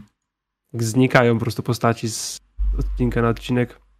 Jak ludzie przychodzą pod działanie Imperiusa do prasy nagle i nie poznają ich, jak kapują na siebie nawzajem i jest taka atmosfera zastraszenia. Jezu. Ludzie znikają na tortury, tak. Myślę, że byłby dużo ciekawszy. Eee, ciężko powiedzieć, że komediowy byłby ciekawszy. Okej, okay, Bartek. Jeszcze jest drugi, drugie pytanie z tego donate'u. Czy Gortat w swoim prime mógłby być starterem drużyny mistrzowskiej? Jeśli tak, to do których mistrzów by pasował z tego dziesięciolecia? Każdy Golden State Warriors. To na pewno. Nawet ja myślę, do, do, Miami wszystkie... go, do, do, Miami go wrzućmy w zamian za Chrisa Andersena. Chciałem mówić, że, e, że, że, że e, do drużyn mistrzowskich LeBrona Jamesa śmiało. Mhm. E, więc tak, Milwaukee w tym sezonie nie, a Lakersi dwa lata temu, Lakersi dwa lata temu, Dwight Howard, Javal McGee tam grali, dawali radę. No. Marcin wcale nie sprawdziłby się gorzej. To mamy już sporo, więc drużyny LeBrona, Golden State, Lakers 2.20, e, Dallas może niekoniecznie, Bostonie wcześniej niekoniecznie, San Antonio, no to sorry. Pozycja centra to trochę nie. Detroit Pistons 2-4 chyba też nie, a dalej się już chyba nie ma co cofać. E, Czarek Bruwarek, e, witam. Co sądzicie o przedłużeniu kontraktu przez Lebrona? Lakersom zostanie mało marginesu w salary cap, to nie jest już One Man Army z 2016. No i domaga się ponoć poświęcenia pików w 2027 i 2029, żeby opnąć Westbricka, o którego sam zabiegał zdrówka. Pogadaliśmy dzisiaj o tym na początku e, programu, więc nie będziemy się powtarzać, ale dziękujemy i pozdrawiamy. Dzięki za zdrówko. Piotr, witam panowie. Pierwszy raz od dawna na żywo jesteście w porządku, by tak dalej. Let's go Knicks. Let's go Knicks. Poznajemy serdecznie. Nawet wyświetlę ci tutaj graficzki z, miło- z kącika miłości. Specjalnie dla ciebie, Piotr. Piąteczka. New York Knicks, y, można rzeczywiście zrobić szybki kącik miłości. E, New York Knicks jeszcze nie zawalili trade'u po Donowana Michela. To prawda. Czekamy. Y, pojawiły się nowe doniesienia na temat tej całej potencjalnej wymiany. I wydaje mi się, że tak. tam Utah Jazz ma tam ma bardzo mocno ciśnie, bo do pięciu pierwszorundowych pików e, Emmanuel Quickly i Obi Topin to było chyba ciut za mało. Oni chcą jeszcze kogoś. Tak, do tego był tam jeszcze jakiś salary fillers, yy, rumor mówi, że to Miles McBride, no i Fournier, żeby się zgadzała kasa, mhm. ale że Utah powiedziało, że powinni znacząco poprawić ocenę, czyli yy, ofertę. Znacząco. znacząco domyślam się, że to są i dwa piki i Quentin Grimes, a tak. nie Miles McBride. E, mamy, mamy tutaj serię donate'ów od Olej9. Pozdrawiamy serdecznie. Będzie dużo pytań, więc lecimy po kolei. Czy da się robić donate'y poza live'em? Teoretycznie się da.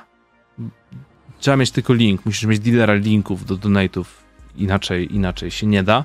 No ale generalnie ten link zawsze zamieszczamy. Jest od samego rana puszczany też w opisie pod, pod transmisją, e, a w drugiej części transmisji już, już to wyłączamy, więc, więc tyle. E, drugie pytanie, czy nie za mało rozmawiamy o Hustle? Czy to jest najlepszy dramat koszykarski? Czy Sandler powinien grać więcej takich ról? Czy Bron jako producent po prostu podzwonił po ziomkach i zebrał cały skład na film? Dużo właściwych pytań i ja mam kolejne pytanie do Bartka. Od miesiąca tak go pytam, ale może widziałeś już film Hustle? Tak, myślę, że jednym z przyczyn tego, że mało gadamy o Hustle jest to, że ja tego wciąż nie oglądam. To może być jedna z najważniejszych przyczyn. Nie dość dużej ilości rozmów. Słuszna uwaga. E, fajne, fajne jest to, że Adam Sandler teraz przychodzi, może pewnie nie, że drugą młodość, bo to nie o to chodzi, ale e, troszkę taki inny etap swojej kariery i zabrał się za robienie filmów, dramatów, e, bo ten poprzedni o Uncut Gems z Kevinem Garnettem, no też był naprawdę, do, to było też naprawdę bardzo dobre kino. Nie wiem, czy ty widziałeś ten film. Powiem ci tak, jeśli chcesz zobaczyć dobre kino, to na pewno Uncut Gems jest lepszym wyborem. Okay. Hustle jest, to jest fajną feel, feel good story, nie? Okej. Okay. Uncut Gems to, to, to, jest już kino. Dobre rozróżnienie, dobre rozróżnienie. E, kolejny donate też od Olej 9. Czy możecie panowie wytłumaczyć wymianę podczas draftu? Jak na przykład Charlotte wybrało Kobasa i wysłało do Lakersów, to czy Lakers miał tu coś do powiedzenia przy wyborze?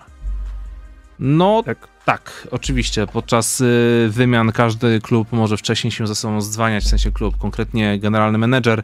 No i dlatego te wymiany są często takie mm, częste i gęste i szybkie i momentami aż takie szalone. E, I, i, i no, ta słynna wymiana z Kobe Bryantem tam poszedł w drugą stronę, bodajże Vlade Divac e, i Kobe był jeszcze wybrany przez Charlotte, ale wymiana poszła momentalnie. E, no, jest to trochę złożone, ale tak naprawdę nie bo wystarczy jeden telefon, szybkie mignięcie tematu i mamy klepnięty deal.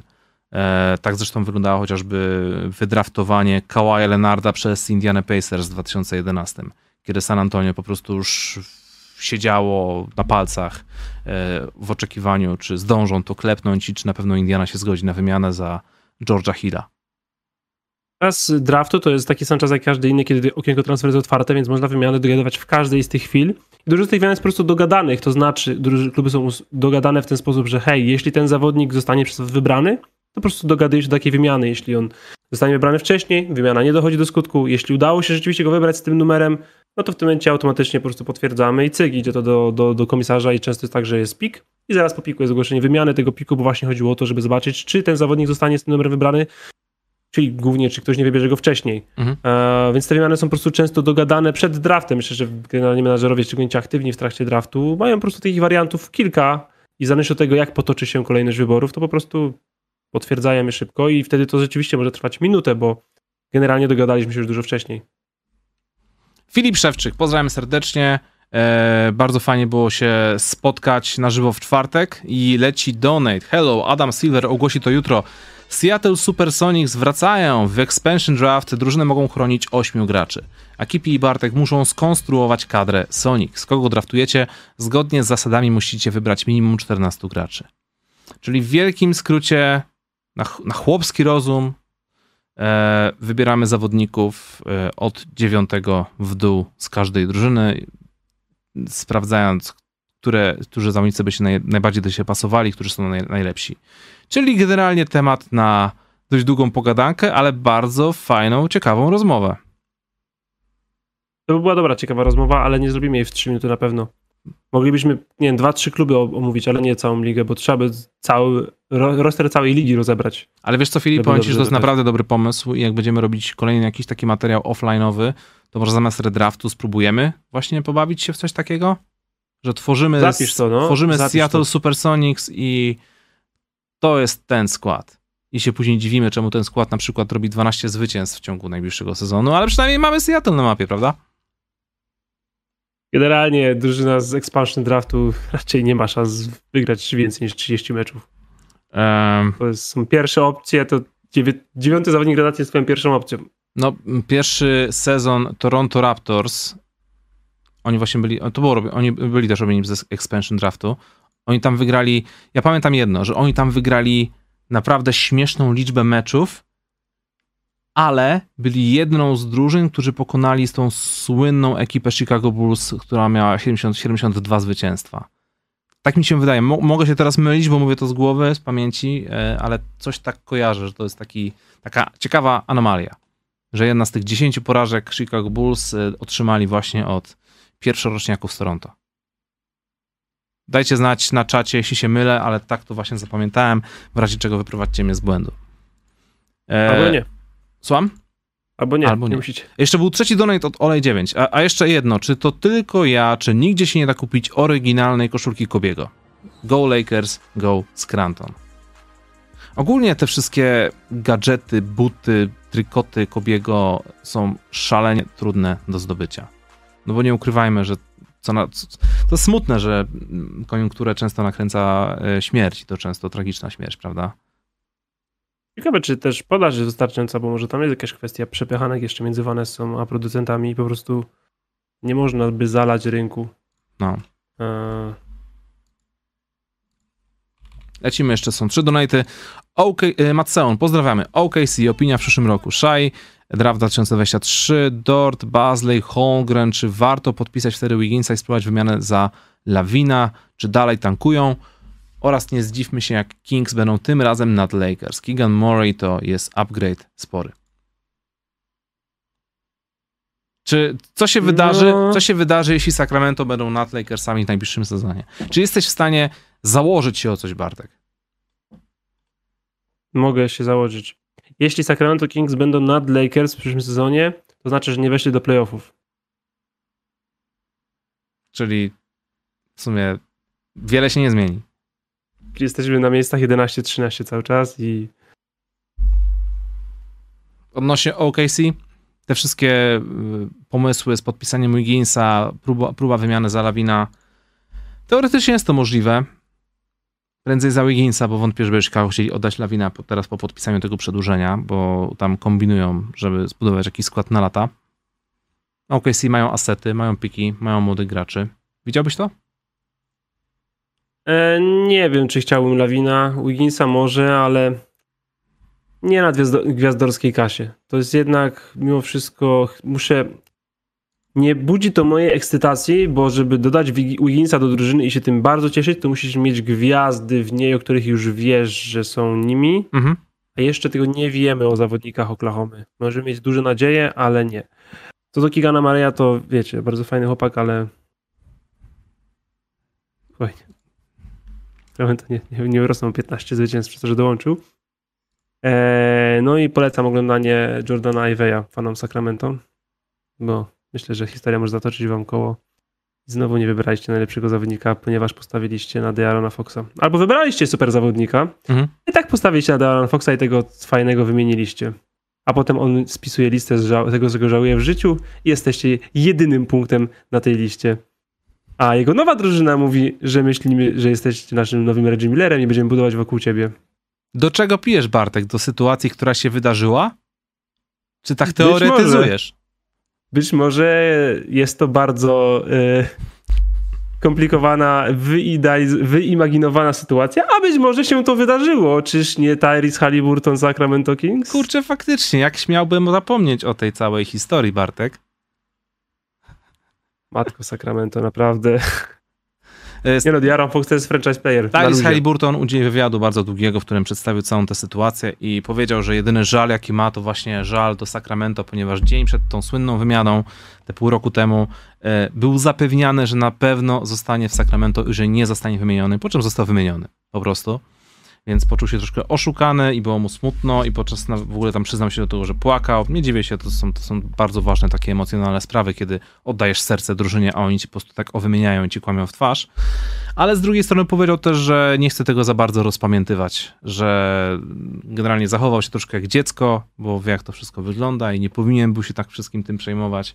I może nawet dobrze tak się stało, bo teraz czuje się w Indiana Pacers chciany e, i naprawdę mu się tutaj podoba.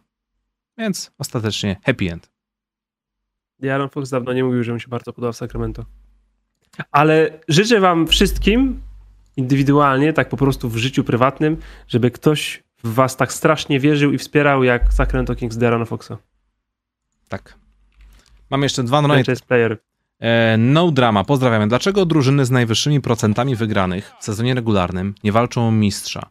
Wyłączając Lakersów i Boston Celtics. W pierwszej dziesiątce są takie drużyny jak San Antonio, pierwsze miejsce, Portland czwarte, OKC piąte, czy Houston dziewiąte. Kiedy te drużyny będą dochodzić choćby do finałów? Eee, pozdrawiam Cię, No Drama. To jest takie pytanie troszkę podstawowe, ale w wielkim skrócie domyślam się, że pijesz tutaj do e, grafiki, która ostatnio była dość popularna w social mediach na temat tego, jak dane kluby w ciągu ostatnich kilku, kilkunastu latach, jak wygląda ich procent zwycięstw. No, sezony NBA się resetują, to jest chyba najprostsze wyjaśnienie, co, co, co rok i, i każda drużyna zaczyna od zera i liczą się tylko i wyłącznie bieżące wyniki. Taka niby oczywista odpowiedź, ale może trzeba to po prostu powiedzieć też na głos. Um, to jest dobre dla produktu, bo chodzi nam o najlepsze drużyny tu i teraz. Tak. A nie o jakieś topki all time, prawda Łukasz? Tak, dokładnie. Kto by się zajmował jakimiś topkami all time? Kogo to interesuje? Przecież to jest głupie teoretyzowanie. Ale to, że San Antonio są cały czas na pierwszym miejscu, jeśli chodzi o procent zwycięstw, mimo tych kiepskich sezonów ostatnio, Bartek, musisz przyznać, że to jest super organizacja. To była najlepsza organizacja w latach 2000-2017. Tak. Braku, brakowało tutaj tej tej wisienki na torcie. Ja się naprawdę zastanawiam. Ja wiem, że nie, nie można oceniać całej serii playoffs przez pryzmat, tam bodajże wiesz, dwóch kwart pierwszego meczu, bo to nic kompletnie nie znaczy. Ale chciałbym zobaczyć tę serię bez incydentu Kałaja z Zazą Paczulią. To jakby, jakby San Antonio zdobyło mistrzostwo, to byłoby takie mistrzostwo jak teraz to Golden State, takie już wymęczone. Już naprawdę już jest za późno, ale ta cała kultura wygrywania i to doświadczenie mistrzowskie i, i ten trzon utrzymany powiedzmy trenersko-menadżerski wycisnął z nas to jeszcze jedno, takie, które właśnie cementuje, że to wszystko było rzeczywiście tak wspaniale zorganizowane, że daliśmy radę jeszcze raz mimo wszystko. I cholera wie, czy by nie dali rady, nie? No. Kałaj był wtedy tak dobry. Kałaj naprawdę był wtedy tak dobry.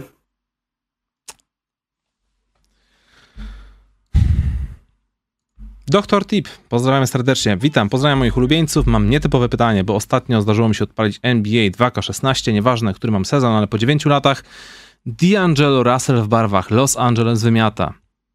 I stąd moje pytanie, co z D'Angelo i LA nie wypaliło?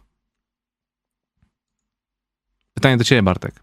Doszło do wymiany. D'Angelo poleciał gdzie indziej, gdzie był przez chwilę świetnym graczem w młodej, rozwijającej się drużynie, która postanowiła zdecydować, że młodość i rozwój jest mniej sexy niż więcej grubej jej szybciej tu i teraz. Zobaczymy, jak będzie. Poleciał dalej i już nie był dobry znowu. Tak. Nie był dobry w Los Angeles. Miał być liderem, nowym rozgrywającym, a D'Angelo Russell w ogóle nie jest rozgrywającym. Mhm. Jest po prostu dwójką w ciele jedynki najprawdopodobniej. Eee, I chyba nie powinien mieć na sobie presji bycia numerem jeden, szczególnie takiej ilości reflektorów, jakie, jaka świeci na ciebie w Los Angeles. To były wszystkie donaty na dziś, ale tak sobie myślę, bo mam jeszcze troszkę czasu, może byśmy zadali e, pytania z kubełka, które miałem dzisiaj na Insta Stories. Dajemy kilka pytań, no. Okay. Ale kurczę, tak całkiem, całkiem nawet średnio, ponad półtorej godziny, jestem pod wrażeniem. No całkiem solidnie, nie najgorzej, jak na trzeci program w tydzień. Dokładnie. Tak. Pozdrowienia dla sponsora KFC. I losujemy, czekaj, tu miałem jeszcze śmieci jakieś środki. Dobra, to bo są pytania z Insta Stories, dzisiaj zamieściłem właśnie, więc e, jeśli chcecie w czymś takim uczestniczyć, to mnie obserwujcie na Instagramie. Filip Fliegner, pozdrawiamy. Kto jest waszym czarnym koniem na regularny sezon? Dajcie proszę typy na wschód i zachód. to pytanie się już chyba powtórzyło w czwartek i chyba obaj zgodnie ustaliliśmy, że Pelicans wyglądają naprawdę, kurczę, chciałem powiedzieć grubo, ale to jest złe słowo, solidnie, naprawdę solidnie wyglądają. Oj, nieładnie, nieładnie. Nie, bo tu miał być... To, to, nie pasuje to już. Nie pasuje to. Ja już widziałem Zajona, jak wygląda. Wierzę w słowa dietetyka. Podoba mi się to. Podoba mi się to, co się wydarzyło w Pelikanach pod koniec tego sezonu i podoba mi się to, że do tego, co się wydarzyło, dołączy Zion, o którym już e, daliśmy sneak peek e, w czwartek, że nie skreślamy go z potencjalnej listy top ten na następny sezon. W sensie następny sezon, następny rok. Ciężko ze wschodu wy, wybrać czarnego konia, bo z drużyn, którym ja się ekscytuję, one i tak raczej nie będą jeszcze dobre, nawet jeśli będą ekscytujące. Mhm. Ale jeśli na koniec końców Cleveland zajęło dziewiąte miejsce, to myślę, że można tutaj wrzucić Cleveland, którzy powinni być lepsi niż sezon temu, a jeśli będą zdrowsi, to zdrowi wiemy, gdzie byli. Top 3 konferencji, więc dla nich może taki skok właśnie z 6 pozycji, co nie jest wykluczone, e, byłby pewnie jakimś rodzajem e, tej definicji czarnego konia, nigdy nie istnieje więc ja obstawiam ich, jeśli muszę też wybrać z konferencji wschodniej. Okej. Okay.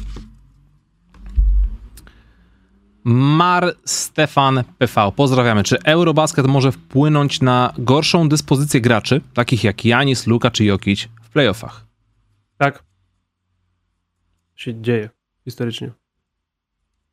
To jest wydłużenie sezonu po prostu. Odjęcie sobie tygodni odpoczynku. Mhm. Bo to nie jest tak, że oni zaczynają grać jutro czy wczoraj, tylko zaczęli parę tygodni temu, zamiast leżeć. Więc tak, jeśli mamy się martwić o czyjąś e, wytrzymałość i zdrowie w playoffach, w przyszłym sezonie to są dokładnie ci zawodnicy, którzy będą grali długo w Eurobaskecie. Okej, okay. to już nie będę dodawał do tego, co powiedziałeś, więc lecę z kolejnym pytaniem. Um, Szymakar. Co myślicie? Ojej. Co myślicie o Rodmanie lecącym do Rosji, żeby uwolnić Britney Griner? To jest, żeby nie było, bardzo poważna sytuacja, która no, ewidentnie pokazuje, że e, Rosja chyba już przestała być państwem, a stała się organizacją przestępczą, żeby robić e, więźnia politycznego z, z koszykarki. Ale to, co Denis Rodman się wypowiedział na ten temat, ja się zastanawiam. Wiadomo, że Denis Rodman jest znany z rzeczy szalonych i nawet nie mówię tutaj, nie piję do jego kariery stricte sportowej, bo ostatnie lata upłynęły chociażby pod znakiem wielkiej przyjaźni e, z dyktatorem e, Korei Północnej, Kim Jong-unem, co jest rzecz niedorzeczne teraz, jak sobie tak o tym, w sensie jak to powiedziałem na głos, to uznaję, uznaję że to jest po prostu niedorzeczne, a jednak się wydarzyło tak naprawdę. I Denis nam powiedział, że on poleci do Rosji na podróż e, dyplomatyczną, żeby uwolnić Britney Griner, żeby dogadać się z Władimirem Putinem. Przeczytałem taki inny artykuł, w którym Denis Rodman powiedział, że po wycieczce, e, jak był w Moskwie w 2014, to powiedział, że Putin jest cool, że jest klawy, że jest spoko. I tak. Nie wiem. Wydaje mi się, że taki Kim Jong-un, jak bardzo popaprane, popaprane to państwo tam nie jest, przyjechał taki Denis Rodman i potraktował go jako niesamowitego idola z Ameryki, z telewizji. Dlatego to się źle nie skończyło. Jakby wiesz. Po prostu tak się wydarzyło. Ale jeśli Denis Rodman poleci e, do Rosji, do Władimira Putina, ja nie wiem, czy Władimir Putin potraktuje go jak wielkiego koszykarza, idola z telewizji e, z lat 90., tak samo jak Kim Jong-un, tylko być może potraktuje go jak Britney Griner. Znajdzie się jakiś tam haczyk i, i, i let's go, Denis Rodman poleci do więzienia z powodu jakiejś pierdoły. Myślisz, że to jest możliwe? To by było nieprawdopodobne. Eee, ale z powodu tego wszystkiego, co powiedziałeś o, o przyjaźni właśnie z, z, z Kimem i, tak dalej, to myślę, że jednak opierałbym się tylko i wyłącznie na tym, co mówi administracja prezydenta Stanów Zjednoczonych, a mówi ona, że szkoda, bo więcej narobi szkód niż pożytku. Tak. No, więc nie robiłbym sobie za dużych nadziei w związku z tą wyprawą. Ale jak skończy się w twoim scenariuszu, to to w ogóle będzie grubo. To, to w ogóle kosmos, no. Oj, Denis, Denis, ty to jesteś. Kolejna... kolejna... Ananas. Gagatek. E, Mikołajek, dajcie wasze starting five w meczu celebrytów. Bartek. powiem ci, że nie wiem. Powiem ci, że jak byłem młodszy, to może się jarałem wizją zobaczenia jakichś tam znanych osób, jak grałem w koszykówkę. A teraz jakoś tak nie chcę, nie chciałbym tego zobaczyć nawet. Nawet jakby było za darmo.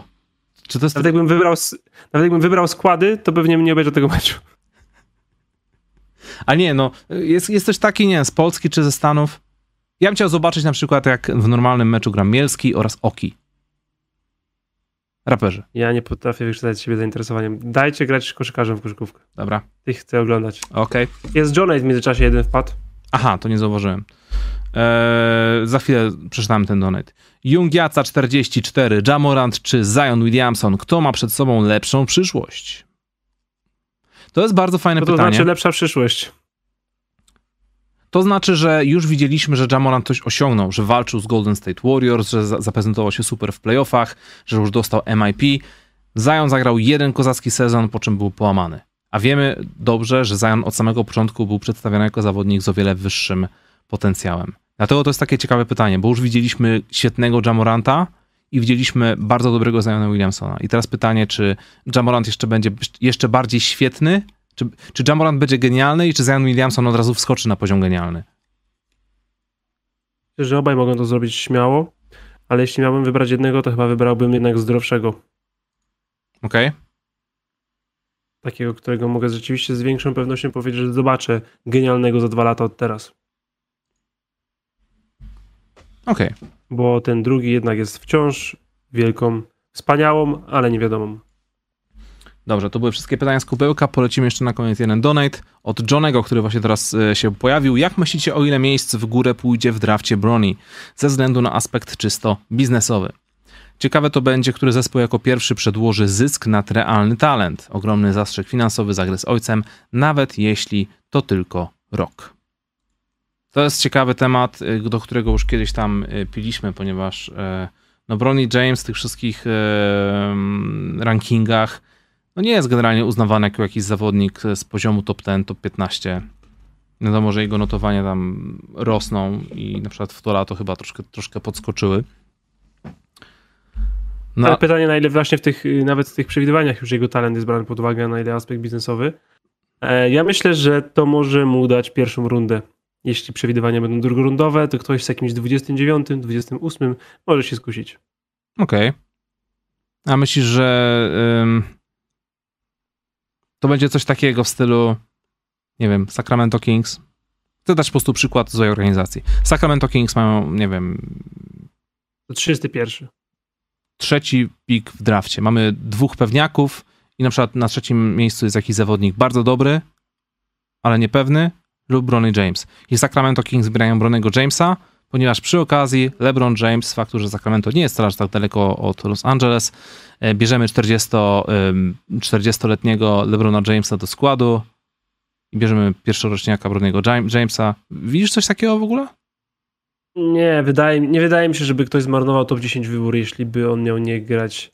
Ja się teraz zacząłem zastanawiać, czy jaka jest szansa, że Brony po prostu nie, wysta- nie, nie, nie, nie, nie, nie wypisze się z draftu i nie weźmie w tym udziału co uzna, kurczę, nie będę chyba profesjonalnym koszykarzem, jednak nie chcę brać udziału w tym cyrku, mhm. który jest cyrkiem mojego ojca, w sumie nie byłby w ogóle moim i po co mu to wszystko?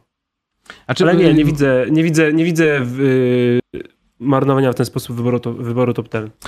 Mi się w tym wszystkim tego nie podoba jedna rzecz. W sensie nie podoba. Podoba mi się pod względem e, stricte ojcowskiej, bo to było naprawdę fajne, kiedy LeBron James powiedział, że jego marzeniem jest móc zagrać ze swoim synem i chciałby grać w drużynie. Jeśli broni będzie, to on pójdzie tam, gdzie będzie grać broni. Ale wydaje mi się, że troszkę mu chyba troszkę popsuł jakby to, to, tą taką wizję jego przyszłej kariery, tą, tą ocenę tych jego umiejętności. To wszystko jest takie jakieś nieprawdziwe, sztuczne, napompowane i na dłuższą metę może się okazać też e, po prostu szkodliwe dla Broniego. I jest... Wszystko jest po prostu o Lebronie, a nie o broni. No. Mówimy, nie mówimy w ogóle o Bronym w karierze Broniego, tylko mówimy o Lebronie w karierze Lebrona i mówimy o Lebronie w karierze Broniego. No. Więc z tego względu zgadzam się, że to nie jest najfajniejsze. Kończymy bardzo. Jak to wybierze Broniego, to Lebron w tym momencie ogłosi koniec kariery. A Broni powie, że jedzie do Europy grać. I zagrałem razem w Fenerbahce. Kończymy. Okej, okay, kończymy. Dziękuję Ci Bartek za dziś. E, I słuchajcie, bardzo ważna kwestia dla słuchaczy, e, czy to tutaj, czy na Spotify, czy na Google, Apple Podcasts. z góry wybaczcie, wiemy, że to się wydarza znowu i to jest bardzo nieprofesjonalne, ale za tydzień nie ma studia. Tym razem to ja lecę na wakacje, tylko że nie do, nie do Paryża. Tylko gdzieś, gdzieś bliżej. Ale też będzie super. E, widzimy się za dwa tygodnie, to jest bodajże 5 września. Tak, 5 września? Tak, 5 września e, w poniedziałek. Więc już będziemy po pierwszych meczach Eurobasketu, będzie o czym gadać. Bardzo możliwe, że do tej pory już też być może, nie wiem, może Kevin Durant znajdzie nowy klub. Tak naprawdę to nie, ale, ale liczymy na to. E, dziękujemy za dzisiaj. Do następnego razu. Dzięki wielkie Bartek. Jesteście wszyscy w porządku. Kto ma opaskę? W ogóle, jeśli jesteście jeszcze na czacie, kto zgarnął opaskę w czwartek? Kto jeszcze ma? Napiszcie na czacie. Pochwalcie się. A ja w tym czasie się rozłączę. Sprytnie. Cześć!